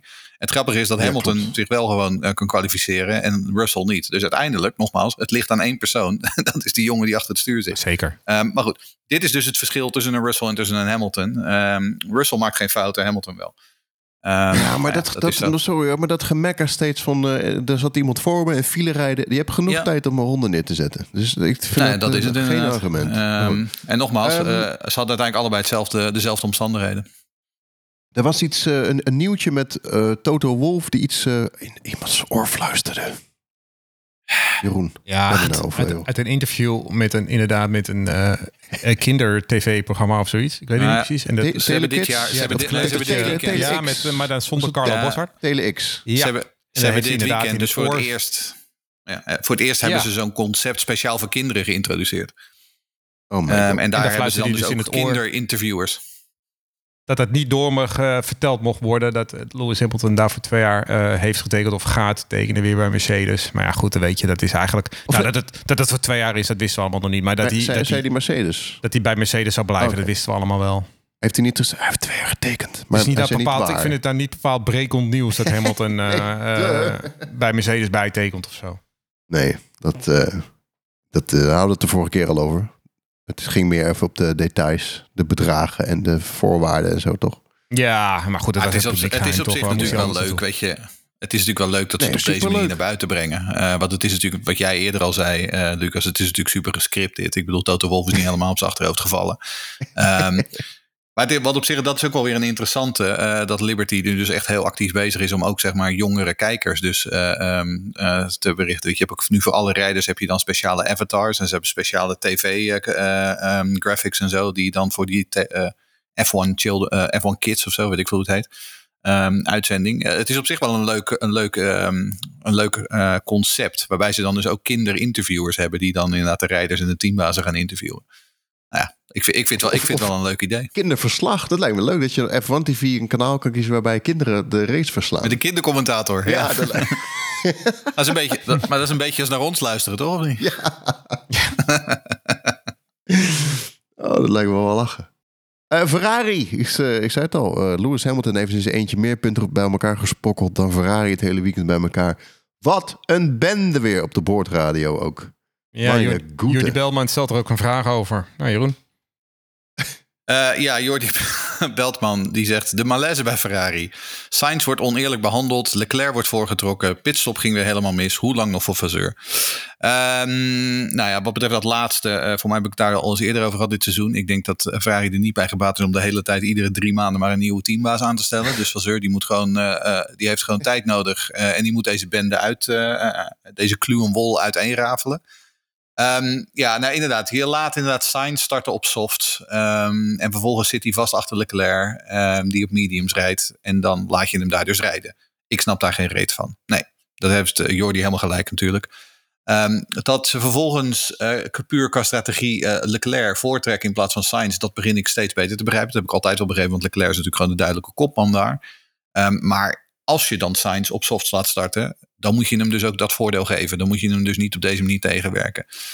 Nou ja, vervolgens krijg je natuurlijk inderdaad Sainz die in principe gewoon lekker zijn eigen tactiek zit te maken. Eh, dus eh, het, het, team komt over de radio van, zullen we dit doen? En dan zegt Sainz nee. En dan zegt het team, oké. Ehm, dat, eh, zoals mijn, mijn goede vriendin en, en, en onze podcast-invaller Melanie het gisteren zo mooi verwoordde. Dat is natuurlijk heel gek. Ehm, want je zou denken dat dat soort dingen aan de pitmuur ehm, geregeld worden en, be- en besloten worden. Ehm, ja, en dan vervolgens inderdaad weer een pitstop die niet goed gaat. Eh, en uiteindelijk, ja, eh, weet je, het, eh, eindigen ze zeven en achtste. Eh, echt ook op een straatlengte, ach- op een straatlengte achterstand natuurlijk. Kom ook nog bij kijken dat Leclerc natuurlijk een, een penalty vanwege een de te snel rijdende pitstraat aan zijn aan zijn broek kreeg. Het was gewoon weer een hele bad day in the office voor Ferrari als geheel. Ehm, ja, en ze beginnen gewoon steeds verder achter te raken. Dat, dat, dat is het vooral. Het gaat niet vooruit, het gaat achteruit. Oh, oh. En het zit, het zit niet zo goed tussen Sainz en Leclerc, gok ik. Want ik bedoel, Nee. ik zie ook in het begin, eh, vorig jaar en zo, zagen we veel filmpjes van hun, grappige filmpjes, leuke filmpjes, allemaal op internet filmpjes. En die zie je steeds minder. En eh, er zijn een paar Ja. incidenten op de baan geweest... waarbij Leclerc inderdaad een beetje wordt voortgetrokken en zo. Of het nou terecht is of niet. Ik kan me voorstellen dat Sainz zich daarin irriteert. Daar gaat gewoon, dat gaat gewoon wrijven tussen die twee. Dat zit niet meer zo goed. Daar geloof ik niks van. Als we nou eh, moeten kiezen tussen eh, wie we het minst mogen, Sainz of Russell. Ik vind het moeilijk, maar ik vind die Ja, de- ook zo'n zagrijnige... Ja, nou, wie we Ja, het en minst Russell, mogen, dat en weet ik Russell niet. is vooral ook. dat En Russell is gewoon veel en veel beter. Ja, gewoon veel en veel beter. Dus, daar kan, zou ik als teambaas iets meer mee kunnen, omdat hij gewoon beter is. En Sainz is gewoon een, een uitstekend coureur, maar die heeft net dat verfijnde, heeft hij gewoon niet. Nee. Het is volgens mij ook gewoon een moeilijke man. Maar goed. Ja, dat is ook een moeilijke man. Dat heb ik al eerder gezegd. Hij heeft wel Ja. eh, de, de, de, de, de denkwijze van een absolute buitencategorie coureur. En hij vindt zichzelf ook het beste van allemaal, volgens mij. Ja. Maar ja, eh, de feiten zijn dat hij dat niet is, zeg maar. En dat, is, dat strookt niet met elkaar. En daar moet je hem ook nooit als tweede rijder achter Verstappen gaan nemen of achter Hamilton. Hij is geen tweede rijder. In, eh, heel, dat zit hij helemaal niet goed voor elkaar. Nee, dan moet je echt gewoon eh, een albonnetje hebben of dat soort jongens. Ja. Nou goed, we gaan we kijken. Nou Ik ja, ben benieuwd, Albon wordt nu genoemd hè? Ferrari. Hè? Ik wou net Ja, zeggen. Ja, wordt genoemd. Die wordt nu genoemd ja. als opvolger van Sainz. Ja. Oeh, per wanneer? Nou ja, goed, het Sainz heeft nog een jaar doorlopend contract. Nou, het zegt niet alles natuurlijk. Nee. Dus dat, dat moeten we even... Nee. Ja, dat Misschien- weet ik niet. Maar Misschien zijn dames zo zagrijnig. Eh, even kijken. eh, Aston Martin AN verliest de aansluiting. Dit was het, ik had even opgezocht, de, het slechtste resultaat van Alonso. Nou ja, Eh, goed, de- de- de- En drie punten. Ook het slechtste, natuurlijk van het hele team dus. Ja, net als met Ferrari kunnen we ook beter meteen beginnen met de vraag. Want anders gaan we eerst alles behandelen en dan alles nog de vraag doen. Maar Sorry. Rijn van Adrichem die vraagt dus ook... Ja, begin van het jaar, de Alonso hype train. Aston Martin duidelijk het tweede team. Maar wat is er nu aan de hand? Zien we ze nog terugkeren op podium na een goede start? Nou, ik, ik hoop wel voor ze dat ze nog wel een keertje ergens een podiumpje gaan pakken. En dat zal ook wel. Ehm, eh, maar ik moet wel eerlijk zeggen... dat wat voor McLaren omgekeerd geldt... geldt ook voor Aston Martin natuurlijk. Hè. We, de ja. Silverstone, dat is een hoge snelheidscircuit. Dat is voor Aston Martin lastig, want die hebben niet zoveel rechte, snel, eh, rechte lijnsnelheid. Maar nu, eh, op dit circuit, kwamen er totaal niet aan te pas. Gewoon het, het wat is het dan? Het inmiddels het vier, vierde, vijfde team. Ehm, ja, dus ik, ik begin me wel een beetje zorgen te maken. Ja, dat, of tenminste zorgen te maken. Maar voor, voor, het, dit seizoen wordt het wel lastig om, om echt nog, eh, om in ieder geval een race te gaan winnen. Wat we althans hoopten voor Alonso. Dat gaat dit jaar niet meer gebeuren, denk ik. Nee, want ze zakken wel echt weg. Nou, het wordt vooral ook druk op dat podium natuurlijk. Vooral want nu McLaren ook mee gaat doen daar. En McLaren oh, en Mercedes eh, doet eigenlijk al eh, het hele seizoen mee om die podiumplekken. Dus het wordt ook voor Ja. Aston Martin steeds moeilijker. Ehm, kijk, misschien dat ze Ferrari nog wel een beetje voorbij kunnen steken. Maar daar was in ieder geval dit weekend niet zo heel veel van te merken. Ehm, maar ze mogen heel blij zijn dat, eh, dat Alonso vooral aan het begin van het seizoen echt een ontzettende sloot punten binnen heeft gehaald. Want daardoor doen ze nog Ja. mee. Want op dit moment, ja, 9 en 10. Ze zijn gewoon het vijfde team eh, dit weekend. Ja, en eh, ik bedoel, Alonso maakt inderdaad ook een opmerking dat die aangepaste Pirelli's daarmee te maken kunnen hebben. Daar stelde Brian eh, Kijk in de vecht ook een vraag over. Ja, ik heb daar geen idee van. Zelf heeft Pirelli gezegd dat het qua performance niet uit moet maken bij teams. Maar het is inderdaad wel zo dat eh, sommige teams, eh, McLaren bijvoorbeeld, eh, die hebben daar echt wel een beetje. sindsdien zijn ze wel gewoon wat beter geworden. En, en, en bijvoorbeeld Aston Martin is wat teruggevallen. Dus ja, als je een beetje Alonso bent en je denkt een beetje altijd in complotten en al dat soort dingen. Of je bent Lucas Degen en je denkt in complotten. dan denk je van, nou ja, dat zou er zomaar mee te maken kunnen hebben inderdaad. Maar ja, ik heb geen idee. Ik kan het, dat, dat kan, vanaf hier is dat moeilijk in te schatten natuurlijk. Ja, ik Hmm. heb geen idee. Ja. Race Reporter is een onafhankelijke podcast en we moeten het hebben van donaties. Wil je Race Reporter supporten? Eh, help ons de zomerstop door met eh, lekkere cock- cocktailtjes en zonnebrand. Support Race Reporter. Ga naar petjeaf.com slash f1podcast of f1podcast.nl. Is wat makkelijker misschien. En eh, klik dan op doneren. Dat is f1podcast.nl. Klik op doneren. Het weekend van Nick de Vries. Ja, we weten niet wat hij gedaan heeft. Maar in ieder geval geen Formule 1 gereden. Eh, weg bij Alfa Tauri. Is hij helemaal weg bij Red Bull? Want je hebt natuurlijk bij... Je zit dan toch nog in de family? Of is hij echt helemaal exit bij Red Bull? Of is het... eh nou, doet er misschien ook niet toe. Hij is ik heb, ik heb geen idee. Ik heb geen, ik, heb geen, ik heb geen inzicht in hoe zijn contract in elkaar steekt eh, met, met Red Bull. Nee. Dat, weet, dat weet ik gewoon niet. Nee, maakt Eh, feit is dat hij eh, niet meer in de Formule races 1 wagen voor zit. Weg. Ja. Nou ja, dat is het. Hij zit niet meer in de Formule 1 wagen voor ze. Ehm, En ik denk dat dat het vervelendste is. Ehm, Ja. Ja, achteraf kun je je afvragen of, het, of ze hem überhaupt wel aan hadden moeten stellen. Eh, Christian Horner was naar verluid vanaf het begin sceptisch. ehm, maar werd overruled door her Dr. Marco. Ehm, En ik las ook een interview uh, voor mij van onze grote vriend Louis Dekker uh, bij NOS dit weekend. Die had met Frans Tost gesproken. En die zei, ja, we hebben bij Red Bull uitgebreid naar de, naar de data zitten kijken. En het was gewoon niet goed genoeg. we hadden verwacht dat hij er veel eerder zou staan. Dat hij veel, voor alle banen die hij goed kent. En dus Europese banen als Oostenrijk, als, als, als Spanje, als, als, als Silverstone. Dat hij daar gewoon veel meer zou laten zien. en dat deed hij gewoon niet. En dus ja, dan zijn ze bij Red Bull vrij rap um, en vrij kort door de bocht. Dan ga je er gewoon uit. En ja, als je dan iemand als Daniel Ricciardo, die al 100 jaar bij Red Bull op zijn cv heeft staan, op de reservebank hebt zitten. En je staat al laatste in het kampioenschap. Ja, dan is het misschien wel eens een gokje waard.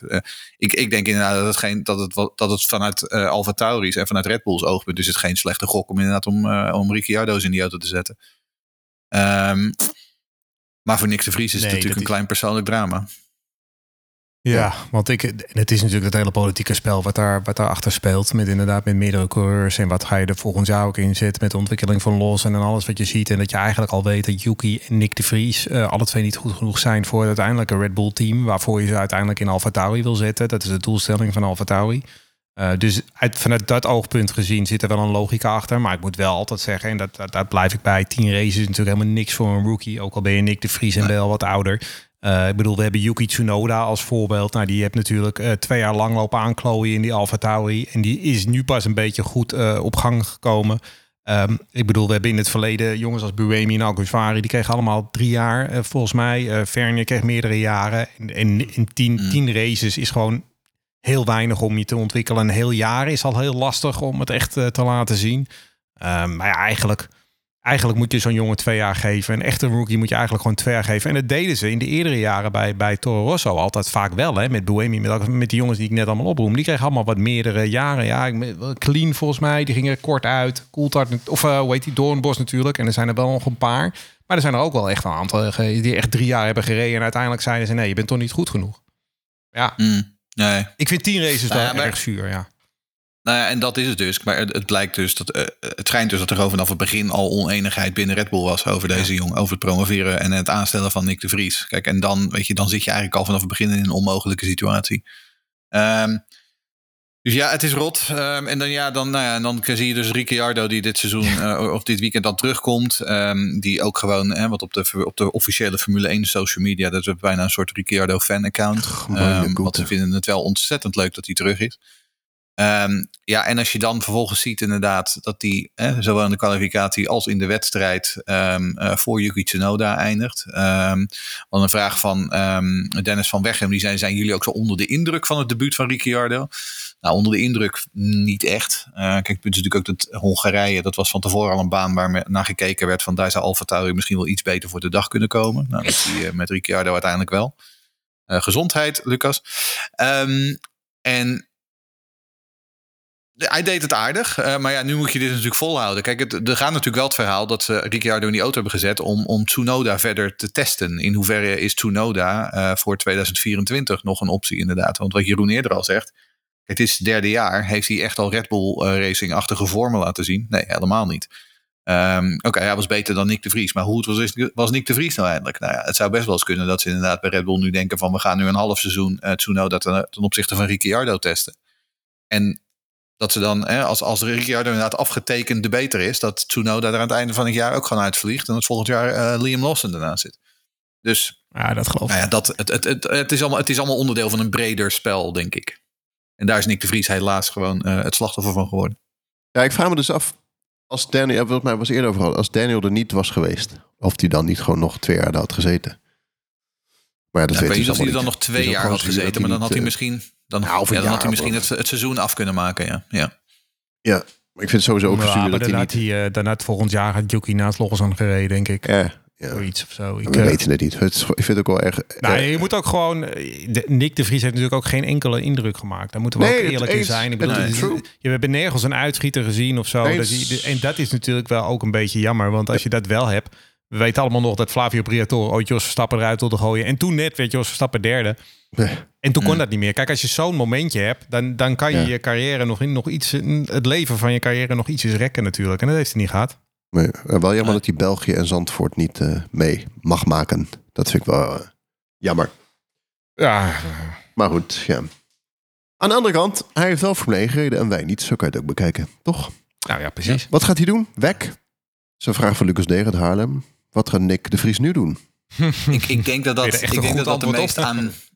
Nou, ik denk dat dat de meest aannemelijke optie is, als ik heel eerlijk ben. Ehm, ik weet dat hij er bij een aantal IndyCar-teams goed op staat. Ehm, hij heeft natuurlijk ehm, eh, vorig jaar getest voor, een, voor eh My Shank Racing in IndyCar. Maakte veel indruk.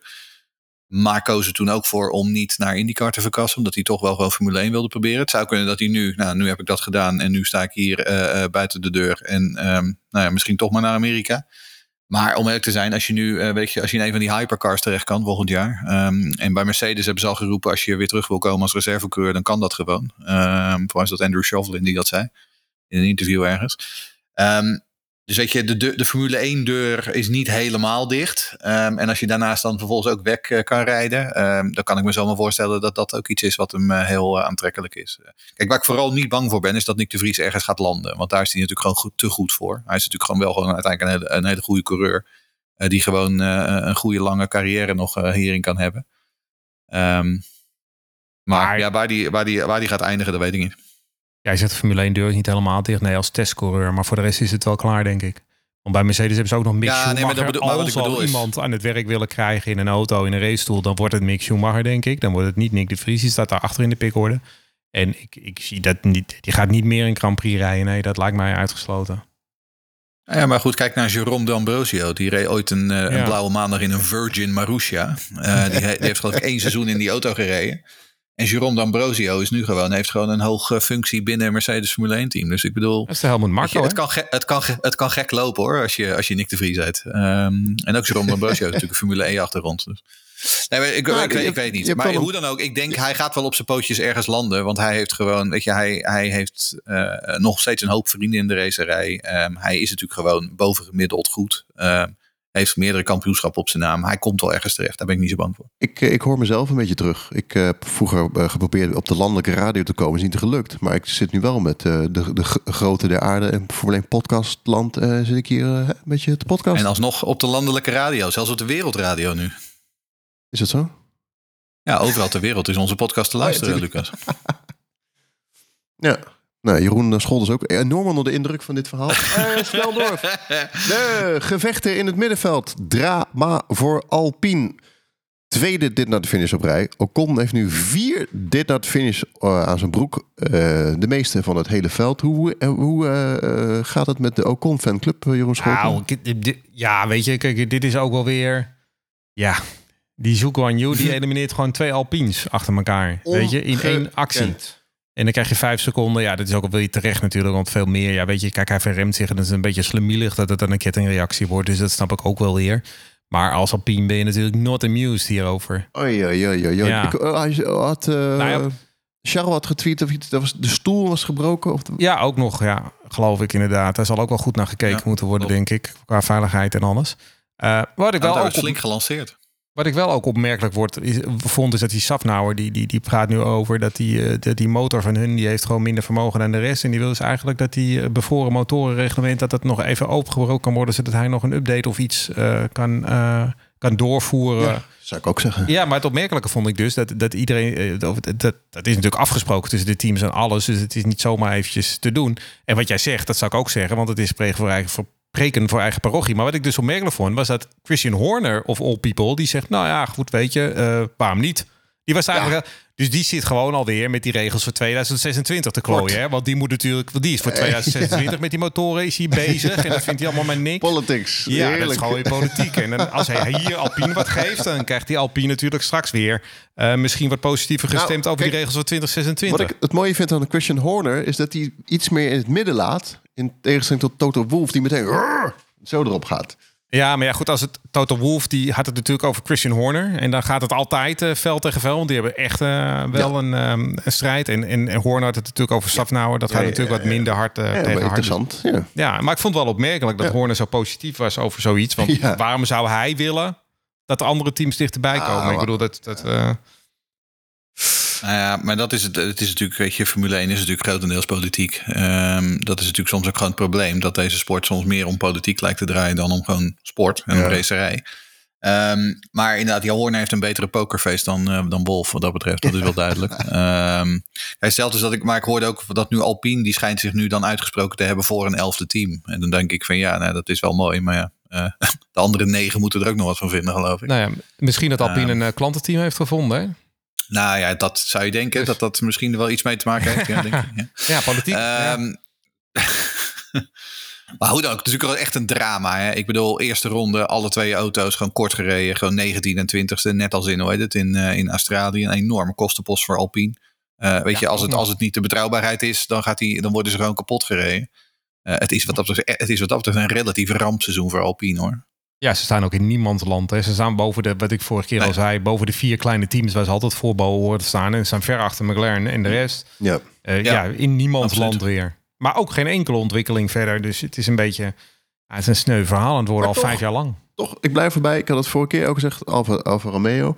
Wat nou als Alpine er gewoon puur in zit om meer autootjes te verkopen in Frankrijk? Ja, dan dat kan dan ik. boeit ik, de Formule 1 niet. Ik heb geen idee of ze meer autootjes verkopen uh, in Frankrijk sinds de, het Alpine heet. Dat weet ik niet. Nee, maar ja, ik bedoel, of ze nou zesde in het kampioen staan of vijfde of vierde misschien. Nee, maar het punt is natuurlijk ook dat Alpine ook niet hetgeen is, zeg maar, waar nou echt de, de bottom line vandaan komt, waar de, mar, de marges vandaan komen voor, uh, voor de grote Renault groep. Dus ja, dat zijn de ik bedoel, en zo. strategisch sna, snap ik sowieso de rol van Alpine binnen uh, de bredere Renault groep niet zo heel erg goed. Um, terwijl voor hè, AMG en Mercedes, dat is weer veel duidelijker. Maar um, ja, nee, ze zitten, wat, je, wat Jeroen zegt, ze zitten echt uh, stak in the middle of nowhere. Um, en ik zie ook niet zo heel snel dat ze daar uitkomen. Want ik zie niet, we gaan het nu over Alfa en Haas hebben uh, en dat soort teams. Ja, die, die liggen gewoon veel te ver achter, dus die gaan niet inlopen. Maar uh, McLaren loopt nu alleen maar weg bij, bij Alpine. Um, en Alpine kan gewoon niet mee aan die kop. Nee, Alpine, op zich. En zo meteen over een week of drie, vier, of over een wedstrijd of drie, vier, vijf, dan hebben ze weer eens een keertje een geweldig weekend. Want die hebben ze ieder jaar, hebben ze die een paar keer per jaar. En dan denken we al meer van, nou, nu ja. komt het hoor, nu gaan ze los, nu komt het. Maar dat is niet zo. Dat is, hoewel nee, het exact. vandaag natuurlijk, of uh, gisteren natuurlijk een beetje slemielig was. Hè, daar kon Alpine zelf verder niet Ontzettend. zoveel aan doen. Maar um, ja, blijft lastig. Alfa Romeo. Yes. Hoe kan je, hoe, want daar moeten we iets zinnigs zeggen over waarom ze eens in kwalificatie daar zo goed bij stonden. Maar wie wil, wie wil dat proberen te verklaren?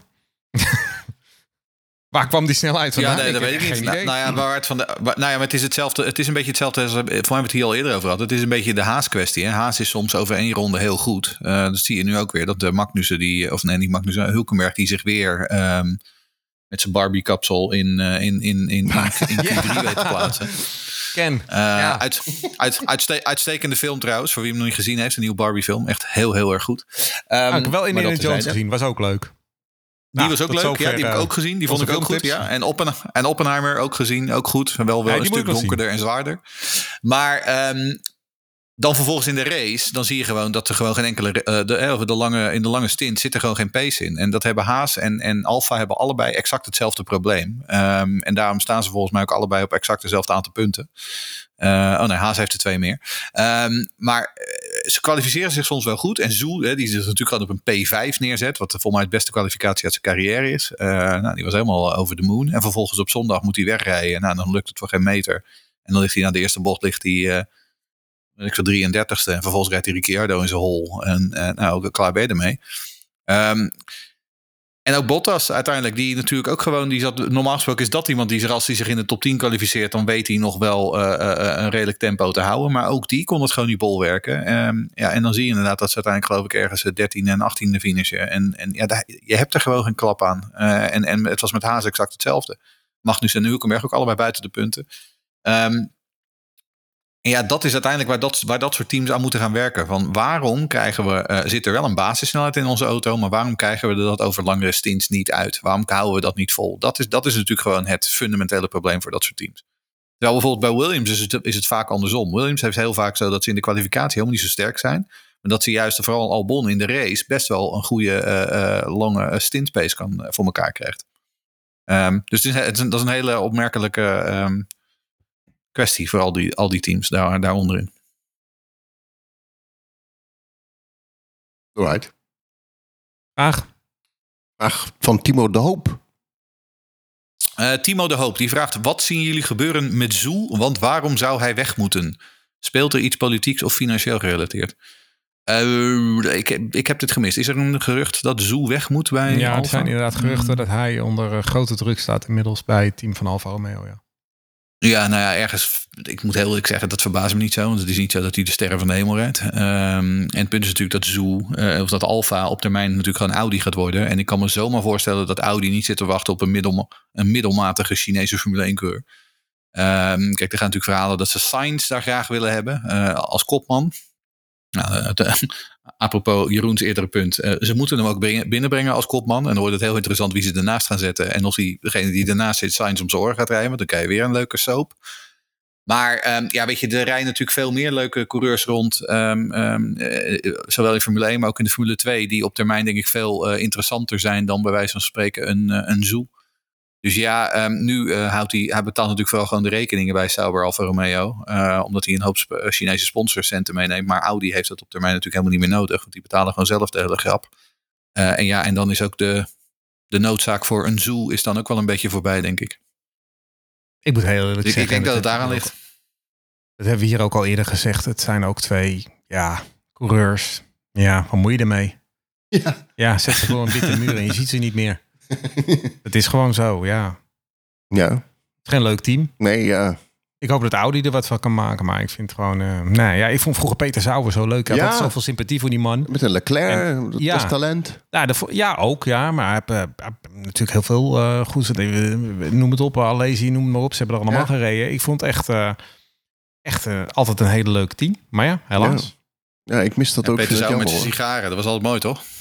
Ja, ja. Ja, gewoon een leuke man. Een echte racer, Pieter, Peter Sauber. En, En ook, echt, en ook eh, iemand die natuurlijk gewoon jonge coureurs eh, eh, heel erg de kans gaf. Hè? Ik Ja, bedoel, hij gaf ja. die Maar daar natuurlijk Carl toch ook voor Wendlinger Ja. ja, Carl Wendlinger gaf hij natuurlijk zijn eerste volledige seizoen. Gaf Heinz Harald Ja. Frentzen natuurlijk zijn debuut. Yep. Nick Heidveld. jongens als, als Kimi Räikkönen die allemaal daar zeg maar echt hun, hun, Ja. hun, hun carrière op gang brachten. En daar... En, en natuurlijk Minardi was altijd een beetje hetzelfde. Hè? Minardi gaf ook een hoop Ja. jonge coureurs Ja, hun, eerste, hun eerste kans.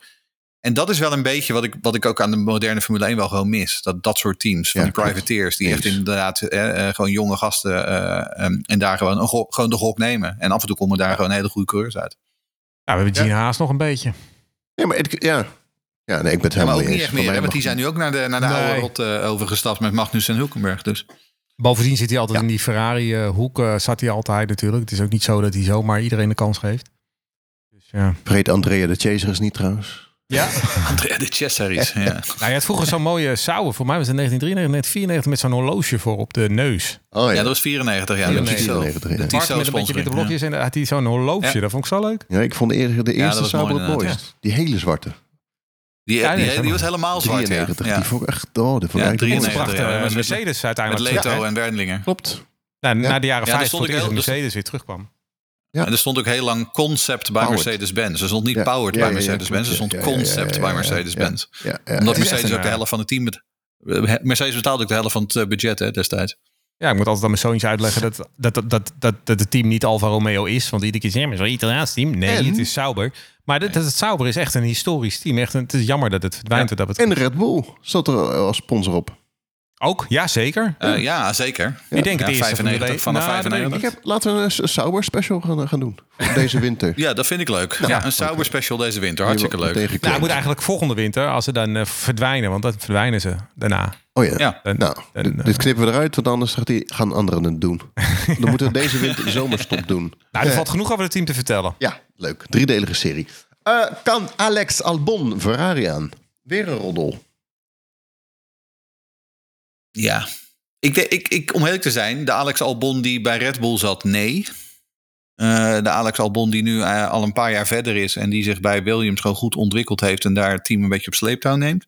Ja, misschien wel. Dus Als die, als die overduidelijk als tweede man wordt aangesteld en dat ook gewoon snapt en gewoon niet gaat lopen mekkeren als eh, Charles Leclerc weer een keer de voorkeur krijgt. Ja. En ik denk dat je bij, als je bij als je Albon bent en je gaat bij, eh, want Albon is natuurlijk, komt natuurlijk niet van hele rijke kom af, eh, dat als je bij Ferrari aan de slag gaat, dat je dan je kostje wel gekocht is voor je familie in Thailand. Ik ga, ik ga, ga misschien een Ja. on- onaardige opmerking maken, maar ik heb wel het idee dat Alex Albon te lief is voor, de, voor, de, voor deze wereld. Nou, dat is hij ook. Denk ik. Dat, Dat, is hij ook, denk ik. Hè? Ja, het is denk ik een heel aardige gozer. Ja. En eh, dat, dat is niet altijd handig in deze sport, inderdaad. En dat heb je misschien, er zijn er wel meer wie daar misschien last van hebben. Ja, ik moet het bij eh, Charles Leclerc vind ik ook Norris. eigenlijk, hè? Norris ook gewoon lieve... Norris, eh, ja, dat moeten ook allemaal maar even achter mij. Ik vind, er zijn wel een aantal jongens waarvan ik denk, die hebben niet dat, dat zure wat, wat Nee. Verstappen of Hamilton af en toe heeft. Zeg maar. dat, Dat, dat zure of dat wij, ja, inderdaad, na mislukte uitzending hebben wij ook dat zure wel eens. Maar dat, nou ja, goed. Nou ja. op met dat Maar ik- gezeik, man. Jeetje. Ik vind Albon, eh, dat zeg ik, heb ik eerder gezegd. Hij zou als, als tweede man bij een topteam zou die best wel weer een kans mogen krijgen. En ik reken hem dat, dat akkefietje bij, bij Red Bull van toen, dat het daar niet gelukt is, reken ik hem ook niet echt aan. Het was vroeg in zijn carrière. De Red Bull was toen niet zo goed als het nu is. Eh, je rijdt naast eh, Max. Eh, de- ik reken hem dat niet echt aan. Hij heeft zich echt heel duidelijk laten zien en heel duidelijk ontwikkeld. Ja. Dus Ja, het hangt ook heel erg vanaf wat Ferrari wil ehm, in de komende jaren qua eh, rijdersbenadering. Hè? Ik hebben het al eerder over gehad. Van ten eerste moeten ze organisatorisch de boel maar eens een beetje op orde krijgen. Nou, daar zal Vasseur achter de schermen druk mee aan de slag aan het gaan. Dat, nou, ja, dat gaat sowieso. Eh, dat heeft wat eh, voet in de aarde. Maar kijk, het punt is natuurlijk dat ze ook nog steeds een Ferrari Drivers Academy hebben. Daar zitten best een aantal hele goede coureurs in. Maar ehm, die Drivers Academy is inmiddels ook zijn dependance in de Formule 1 kwijt. Want ja, Alfa Romeo, eh, dat is een beetje wel klaar. En dat gaat natuurlijk nu helemaal weg als Audi weg is. Dus wat wil Ferrari vanaf 2025? Kijk, ik bedoel, ze hebben nu in de Formule 2 hebben Oliver Berman zitten. Die hè, eerder dit jaar bijvoorbeeld in Azerbeidzjan eh, echt gewoon het hele veld in allebei de races naar eh, het snot voor de ogen reed. Die in zijn rookiejaar eh, nu geloof ik derde, vierde in het kampioenschap staat. Dat heel aardig doet, maar ook pas 18 jaar is. Maar wel echt een heel groot talent. Kijk, en dat ze natuurlijk met Leclerc ooit ook. Ze hadden zo'n jongen, die was 20. Maar ja, die konden ze even een jaar bij Sauber erin zetten. En daar reed hij vervolgens Marcus Eriksson helemaal het snot voor zijn ogen. En vervolgens hebben ze hem gepromoveerd. Nou, dat kunnen ze nu niet, eigenlijk niet echt meer doen. Maar wat je dus wel zou kunnen doen per 25, als, als, als aan het einde van volgend jaar Sainz vertrokken is, dat je in 25 Oliver Berman in die auto zet. Maar durf je dat aan met een zo jonge jongen? nou, dat weet ik dus niet. het meest, het meest cruciale qua rijders is Leclerc. Want Leclerc heeft nog Ja. maar een één jaar door op het contract hierna. En die moet je als kopman vast zien te houden. En dan kan je daarna spelen met... ga ik een Albon doen of ga ik eh, voor Ja. eh, het laatste jaar Sainz nog... en daarna Berman bijvoorbeeld of whatever. Maar je moet... Als je, kijk, als je Leclerc wel kwijtraakt, bij wijze van spreken... ehm, na, aan bijvoorbeeld Mercedes of weet ik veel een ander team, of Aston Martin... eh, dan moet je dus op zoek naar, niet naar Albon, hè? Dan moet je dus op zoek naar een ander type coureur die jouw kopman kan worden. En dan moet je misschien Lando Norris gaan bellen. Of, ehm, ho- hoewel er al geruchten zijn dat Norris al gesproken heeft met Ferrari. Daar zijn ook weer geruchten over. Eh, of misschien moet je wel Max Verstappen gaan bellen. Of eh, moet je iemand gaan bellen. Maar dan moet je een kopman hebben. En dat is wel een ander... Ik zou eerst gaan voor eh, contractverlenging met Leclerc... voordat ik ga voor een tweede rijder. Dus ik, ik vind Albon nu nog een beetje te, overbaar, te voorbarig. Ik zou eerst echt met Leclerc om de tafel gaan zitten. Maar je merkt wel, er, er is wel een hoop gekonkel momenteel. Ehm, en niet zozeer over volgend jaar, maar vooral 25. Ehm, want ja, ik bedoel, Ja. je kunt inderdaad als, als, als, een, als een Leclerc zeggen... oké, ik ga weg bij Ferrari. Hè, dat is een grote liefde, dat weten we allemaal. Waar gaat hij heen dan? Want, want als, als Hamilton voor twee jaar bijtekent, dan kun je niet daarheen. Ehm, nou, dan zou Red, zou Red Bull kunnen dan. Maar bij Red Bull weet je dat je altijd tweede viool achter Verstappen speelt. Ja, dan kun je, gaat, we hebben het er net over. Leclerc is misschien een beetje te lief voor de Formule 1. Zit- Past Leclerc echt bij eh, de Aramco eh, eh, bloedgeldbrigade van, van Stroll? Dat weet ik niet. Ik, ik, ik Ja, weet, ik McLaren. weet dat niet hoor. McLaren, ja, dat, dat, zou, dat zou nog kunnen. Maar ja, dat moet dan, dan zo zijn als ze dan een Norris of een Piastri kwijtraken. Maar goed, Nou ja, dat hoe dan is, ook. het- Silly, is silly ook een, season, altijd leuk. er is ook een hoop gekonkel. Maar ik kan me heel goed voorstellen, want dit gaat niet om geld. Dit gaat bij, bij Leclerc, dat kunnen we allemaal wel invullen, om garanties. Waar gaat het Ja. team heen? Hoe gaan we... Want, want hij zit nu een paar jaar daar. Hij heeft ooit een halve kans op een wereldtitel gehad. Het begin voor seizoen, vorig seizoen natuurlijk. Eh, eh, eh, zeven races heeft hij meegedaan, zeg maar. Hij zal garanties willen. Hij zal willen weten waar het team naartoe gaat. Hij zal overtuigd moeten worden door Vasseur om bij te tekenen. En om eh, eh, te zien eh, waar het team zich naartoe beweegt. En hij gelooft in die visie daarvan. En ja, Ja. als ze dat niet kunnen, dan denk ik toch echt dat hij met andere teams gaat praten. Want uiteindelijk is hij Ja, te goed ja, om wereldkampioen te worden. Uiteindelijk is Ja, hij te goed om nooit wereldkampioen te worden. En zijn liefde voor Ferrari, ja, die houdt gewoon ergens op. Als dat mijn liefde voor Race Reporter ook ergens ophoudt. Kijk, als ik ergens meer geld krijg, ben ik weg. Heb uh, even Grand Prix Radio al gebeld, of niet? Ja, Olaf Mol en ik eh, appen vaak. Klopt. Ja.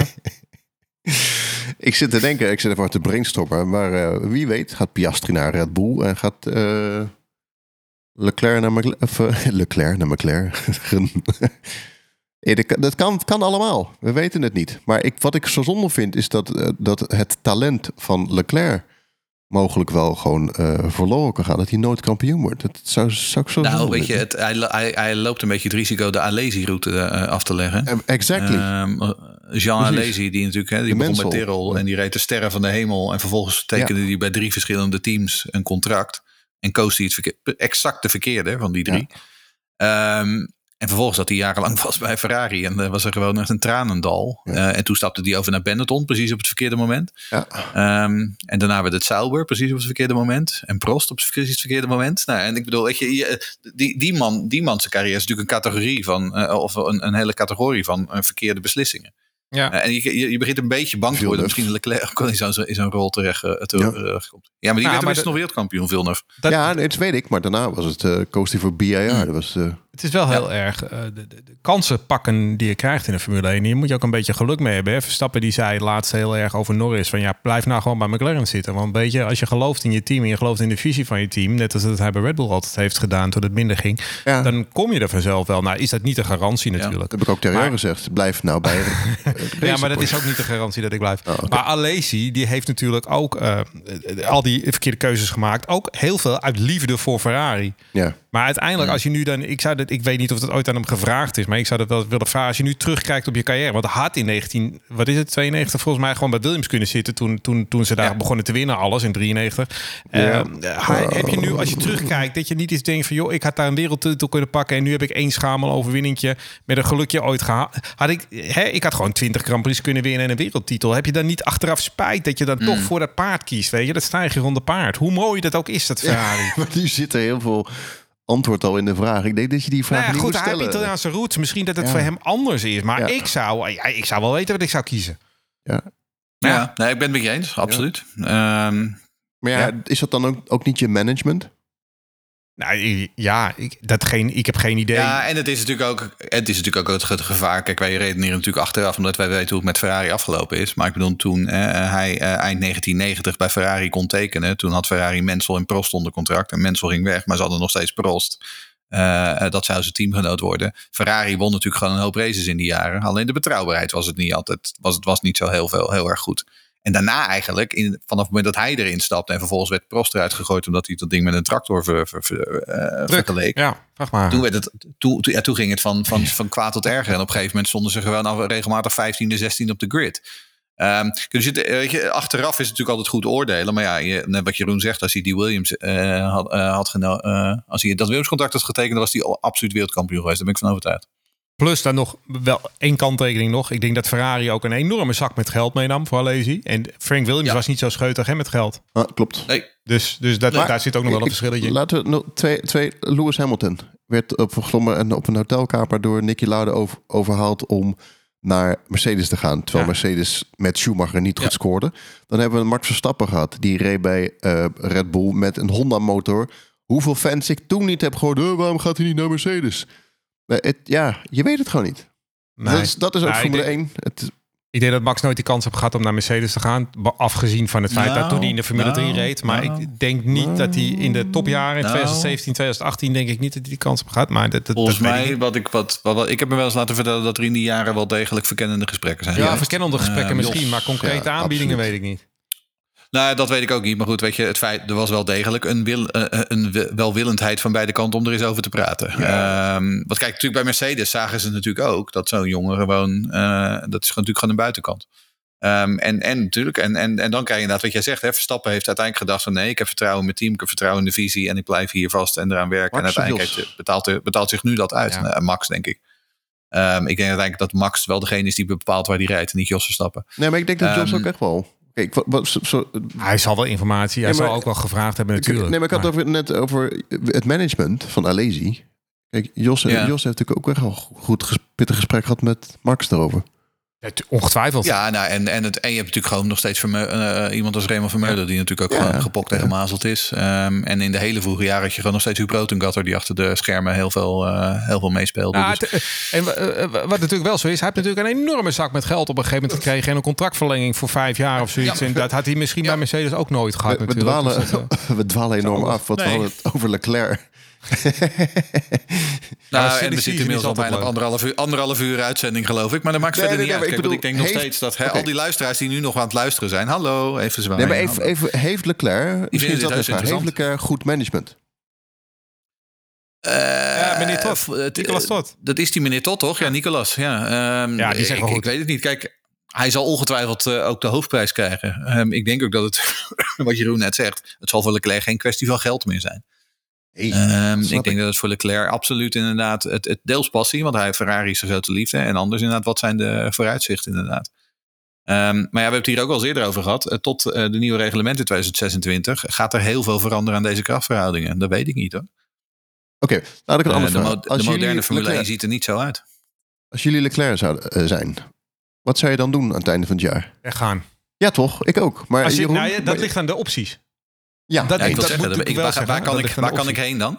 Maar ik Waar zou kan ik wel echt het oriënterende... Nou, ik bijvoorbeeld met, eh, met Mercedes had ik al lang oriënterende gesprekken gevoerd. Ja, als er daar mogelijkheid is, omdat Hamilton natuurlijk op leeftijd is, einde van volgend jaar. bijvoorbeeld- Ja, natuurlijk. Ja, nu gaat hij waarschijnlijk voor twee jaar bijtekenen, Hamilton. Maar dat was natuurlijk heel lang niet zo. Ja. Dus je kan natuurlijk voor na 2024 kan je natuurlijk gesprekken met Mercedes hebben. Ja, als ik die mogelijkheid zou hebben gehad, zou ik dat doen. Want ik heb veel meer vertrouwen in Mercedes, het team. Ook al winnen ze ja, momenteel ook 100 niks. procent. Dan Ferrari, het team. Maar ik ben, geen, ik ben niet verliefd op Ferrari. En hij wel. Nee, Jeroen Emmendaal? Nou ja, nogmaals, eh, die opties. Kijk, want, want we weten inmiddels dat, dat Hamilton gewoon bij gaat tekenen voor twee jaar. Ehm, dus dat, die optie is wat mij betreft uit de deur. Eh, Ja. ik heb net al gezegd, Red Bull, daar begint hij niet aan. Nee. Want daar, daar- ik bedoel, dan speel je gewoon tweede via al achter Verstappen. Ehm, dus wat blijft er dan over? Ja, het is niet zoveel. McLaren inderdaad. Ehm, maar dan moet er dus ook iemand weg. Ehm, nou, zou het kunnen inderdaad zijn dat de Norris inderdaad eh, misschien wat anders gaat doen. Dat weet ik niet. Misschien. Dus je zou een swap kunnen hebben of zo. Maar ik weet het niet.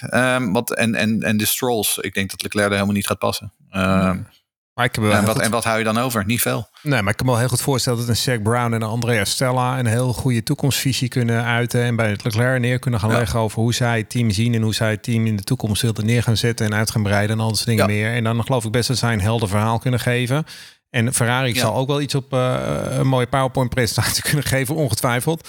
Maar ik zou toch iets meer vertrouwen hebben op dit moment in de McLaren's dan in de Ferraris van Ja, deze maar wereld. McLaren, Dat heeft geen. McLaren, heeft geen, maar McLaren heeft geen open stoeltjes voor volgend jaar, lieverd. Daar Nee, nee, nee, maar Dat voor na probleem. 2024, want dat loopt nog een jaar door, Leclerc. Hè? Dus, eh, dus je Kijk, uiteindelijk is de oplossing natuurlijk gewoon dat iedereen gewoon een derde auto in mag zetten. Eh, kijk, en dan zijn we, zijn we klaar met dit soort met dit probleem. Of is we moeten gewoon Michael Andretti, kom maar gewoon die Formule 1 binnen. Ja? Inderdaad. En eh, hoe, hoe, heet die, hoe, heet die, die, hoe heet die Aziatische tent ook alweer? Sunny Shoe of zo? Wat, wat er, eh, die hebben ook een... eh, weet ik niet zo. er, was, er waren nu een aantal, een aantal teams die hadden dat wel, ja. een, hoe heet het? De- de een, Formule een 2 aanvraag ingediend. Maar er was dat ook eentje dat Sunny, ja, high-tech inderdaad. High-tech, maar dat ja. Sunny Shoe, een van de een of ander Asian, Aziatisch ding. Dat was waarschijnlijk, waarschijnlijk zal Colin Collins wel ergens weer een keertje naar boven komen of zo. Colin Collis, jezus. ja, die komt ook altijd weer terug. Dus. Maar goed, zullen we eh, verder goed. gaan? Laatste Ja, ik, zit, stukje. nee, ik, zit, er- ik zit er te denken, het is wel grappig dat eh, J- Jeroen Demmer heeft vakantie. Dus die, die, die, die Ja, ik al- heb geen haast, hè. ik, bedoel, precies, ik kan de hele avond door podcasten, joh. Maar mijn meter loopt af, hè? Ja, ik zit nee, altijd dat op is, een meter. eh, dus- nee, grappig. De, Ja. de komende Eh, kom Grand Prix vooruitblik op de... Spa. Ja, de Grand Prix van. België. Spa-Francorchamps. Fantastisch mooi circuit. Ik zeg het altijd ieder jaar weer. Als je er nog nooit geweest bent, ga erheen. Het hoeft nog niet eens de, de Formule 1 te zijn. Ga jij weer eh, dit jaar eh degen, of niet? Nee, nee, dit wordt mijn eerste jaar zon, eh, zonder Formule 1 sinds 2015. Eh, nee, dus ik, Oh, ik sla gewoon even over. Eh, Frederik gaat wel. Oh, ja. Frederik Middelhof, die gaat, eh, hoorde ik vandaag. Frederik Middelhof gaat wel. Voormalig heeft de Green Green Green eh, oprichter. Ja. En die heeft ja. eh, een huisje en die zit daar alle dagen. Eh doet hij Jeroen. Slot, je bent ook nog nooit geweest, toch? Wel. Oh, sorry.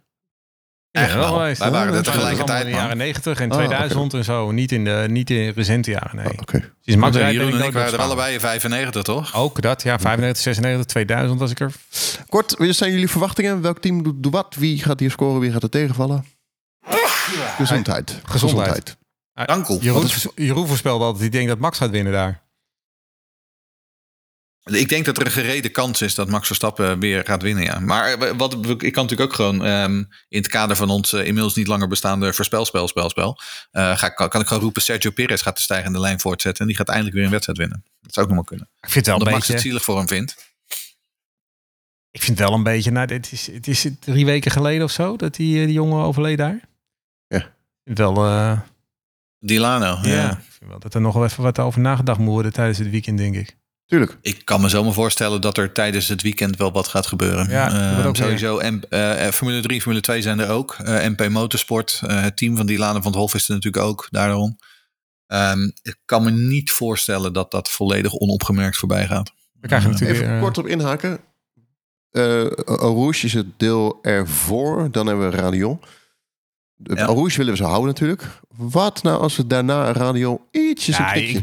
Ik, wil het sowieso zo houden. Maar er zijn natuurlijk wel zo. eh, met, met heel slecht weer is het gewoon een hele linker combinatie. Weet, je, je hebt weinig uitloop, auto's kaatsen terug. Je, Blinde- het is allemaal bocht. blind. Ja. Eh, je, eh, weet je, dat, en, en daar hebben ze het wel over. Ze hebben nu van die spatschermen, geloof ik, hebben ze getest of zo. Maar dat gaat ook allemaal niet. Daar gaat daar geen soelaas bieden. En zeker in junior series. Ik vind het echt. Daar moet echt wel wat aan gedaan worden. En ik weet allemaal hadden we in 2021 een grote mond dat die race niet doorging toen. Maar dat is gewoon 100% terecht geweest. Bij dat soort weer kan je op dit circuit gewoon niet meer racen, denk ik.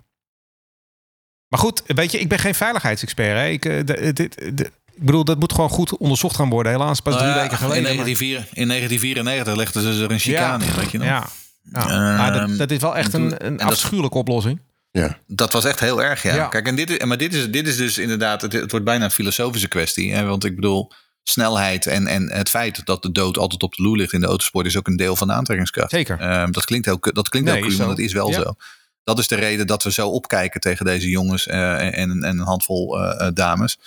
Dat ze iedere keer weer in die auto stappen en op banen als dit gewoon hè, vo- vo- vo- volledig het gaspedaal naar beneden gaan. Ehm, het is natuurlijk een bocht ehm, waar je u tegen zegt. Kijk, en als je, dat, als je dat eruit wil halen, dat je denkt van nou weet je wat, we maken er gewoon een, eh, eh, we, we trekken het gewoon rechtdoor. We gaan gewoon de heuvel op, rechtdoor. Ja, dat kun je doen. Maar dan gaat ook wel een van de, zo niet de mooiste bocht eh, ter wereld gaat eraan. Ja. Nee, ja, is, dat, het, is, dat, helemaal met je eens. is dat voldoende? Ja, maar, maar het punt is, als ik, als ik nu de papa of de mama van Dilane van het Hof ben, Ja, dan- ik bedoel, dan heb je een heel ander ja. gesprek. ja, nee, Weet je, ja, en dat dat, is- en, of, of, de, of papa en mama Hubert. ehm, of Ja. papa en mama Bellof, die ook hun, hun zoon hier kwijtgeraakt zijn. En zo zijn er nog wel een paar. Dus ik vind dit ontzettend, ontzettend moeilijk. Ja, echt, Ehm, ja, maar het, fe- het ja. feit is wel zo, kijk, weet je, ik ben mijn kind er niet kwijtgeraakt. Nee. Ehm, dus vraag ik vind ook wel dat het... Bij- Bijna wel, ja. Eh, maar het is, eh, weet je, hoe, wat, er ook, eh, wat ze uiteindelijk gaan, ook gaan doen, ehm, het zal altijd discutabel blijven. Ehm, maar eh, ja, vooral in die junior-series begin je wel af te vragen van, kan dit nog wel? Met heel slecht vooral weer als het, weer zo, als het weer zo slecht is. Misschien moeten we ook gewoon maar, vooral in heel slecht weer, gewoon sneller afblazen. Of sneller, ehm weet ik wel, dan maar een tijdje onder de, achter de safety car totdat het zicht beter is. Ehm want ja, ik bedoel, als je de beelden van die crash van, van de, de Diana van het Hof ziet. Het was echt waardeloos weer. En de, de visibility was gewoon nul. Ehm, dus eigenlijk had die wedstrijd gewoon nooit mogen Misschien- gebeuren. Misschien, misschien iets stoms. We hebben de virtual safety car. Wat, wat is de snelheid daarvan? Ik hoor dat te weten, maar ik weet het 40% niet. lager Ja. eh, dan, dan eh, normaal. Oké. Waarom doen we niet tijdens de regen 60%, 80% lager? Ja, en dan, en dan dat- op dat deel bijvoorbeeld. Het zijn allemaal dingen die kunnen. Maar ja, dan gaan coureurs ook weer klagen Ja. over de banden koelen te veel af. Altijd, het is allemaal, het is allemaal lastig gewoon. Oké, ja. oké, oké. Dan, Maar goed, er zijn experts voor die dat Ja. veel beter kunnen beoordelen dan wij ook. Hè. Dus, eh, oké, verwachtingen.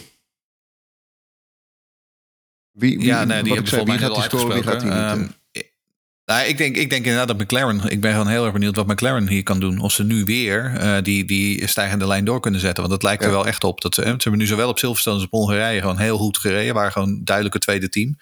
Eh, als dat zich vasthoudt, Ja. dat, eh, dat vind ik heel interessant. Daar ben ik, eh, daar ben ik heel benieuwd naar. in theorie zou Ferrari hier ook iets harder moeten gaan. Hebben die wel voldoende rechte lijnsnelheid. Dus eh, dat zou hier ook wel... Ja, en ook- Mercedes juist weer niet. ja, maar goed, ik durf, daar geen, ik durf daar geen garanties op te geven eh, voor Ferrari. Mm. Dus eh, En we weten dat Alpine eh, een tekort aan vermogen heeft. Dus die, die gaan het waarschijnlijk zwaar krijgen. ja, of die liggen in de eerste bocht uit. Dat kan ook. Daar heb je er geen last van. Nee, dat scheelt We inderdaad. hebben ook Ja. nog een sprintrace. Ja, we, krijgen, we gaan sprinten. Hè? Oh, is Wat dat zo? leuk. Yep, Oh, alright. om Ja, half oké. vijf.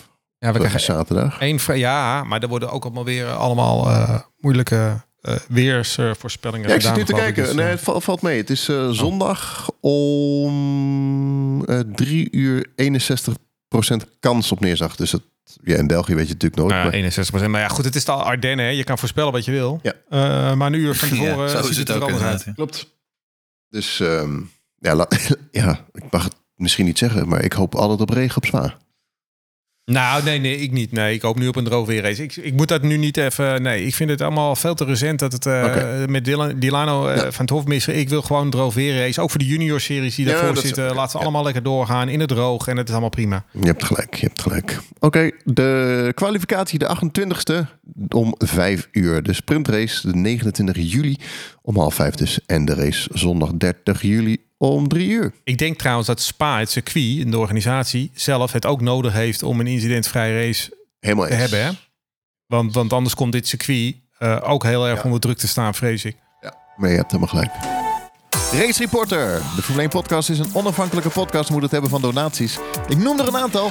Dankjewel Karin, Niels Maximus, Christa, Remco Zoon, Rowdy Rabouw, Maarten Ewertse, Kevin Rijmert, Menno van de Veen, Jouno Dijkstra, Jasper Heijmans, Jan-Joos Volmer, Renny Pauli, Hugon Elbersum, Ron Aanslebach, Thijs, Irene de Jonker, Mike van der Veen, Niels de Boer, Bas van Bodegraven, Rens Verberne, Martin Verduin, Alex Nijenhuis, Ramon Kok, Ferry van den Bree, Rob de Voogd, René Bakker, Frank van Dijk, Raymond Wolfswinkel, Erwin van den Heuvel, Jaap, Roy Bonten, John Kuipers.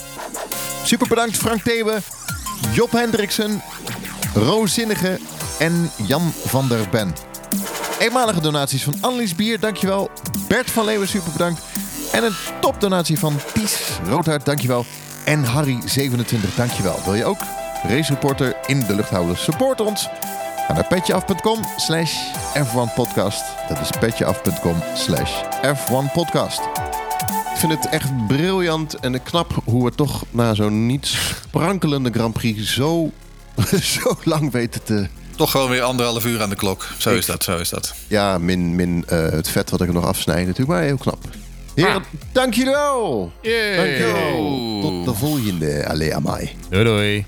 Hoi, hoi. Hoi.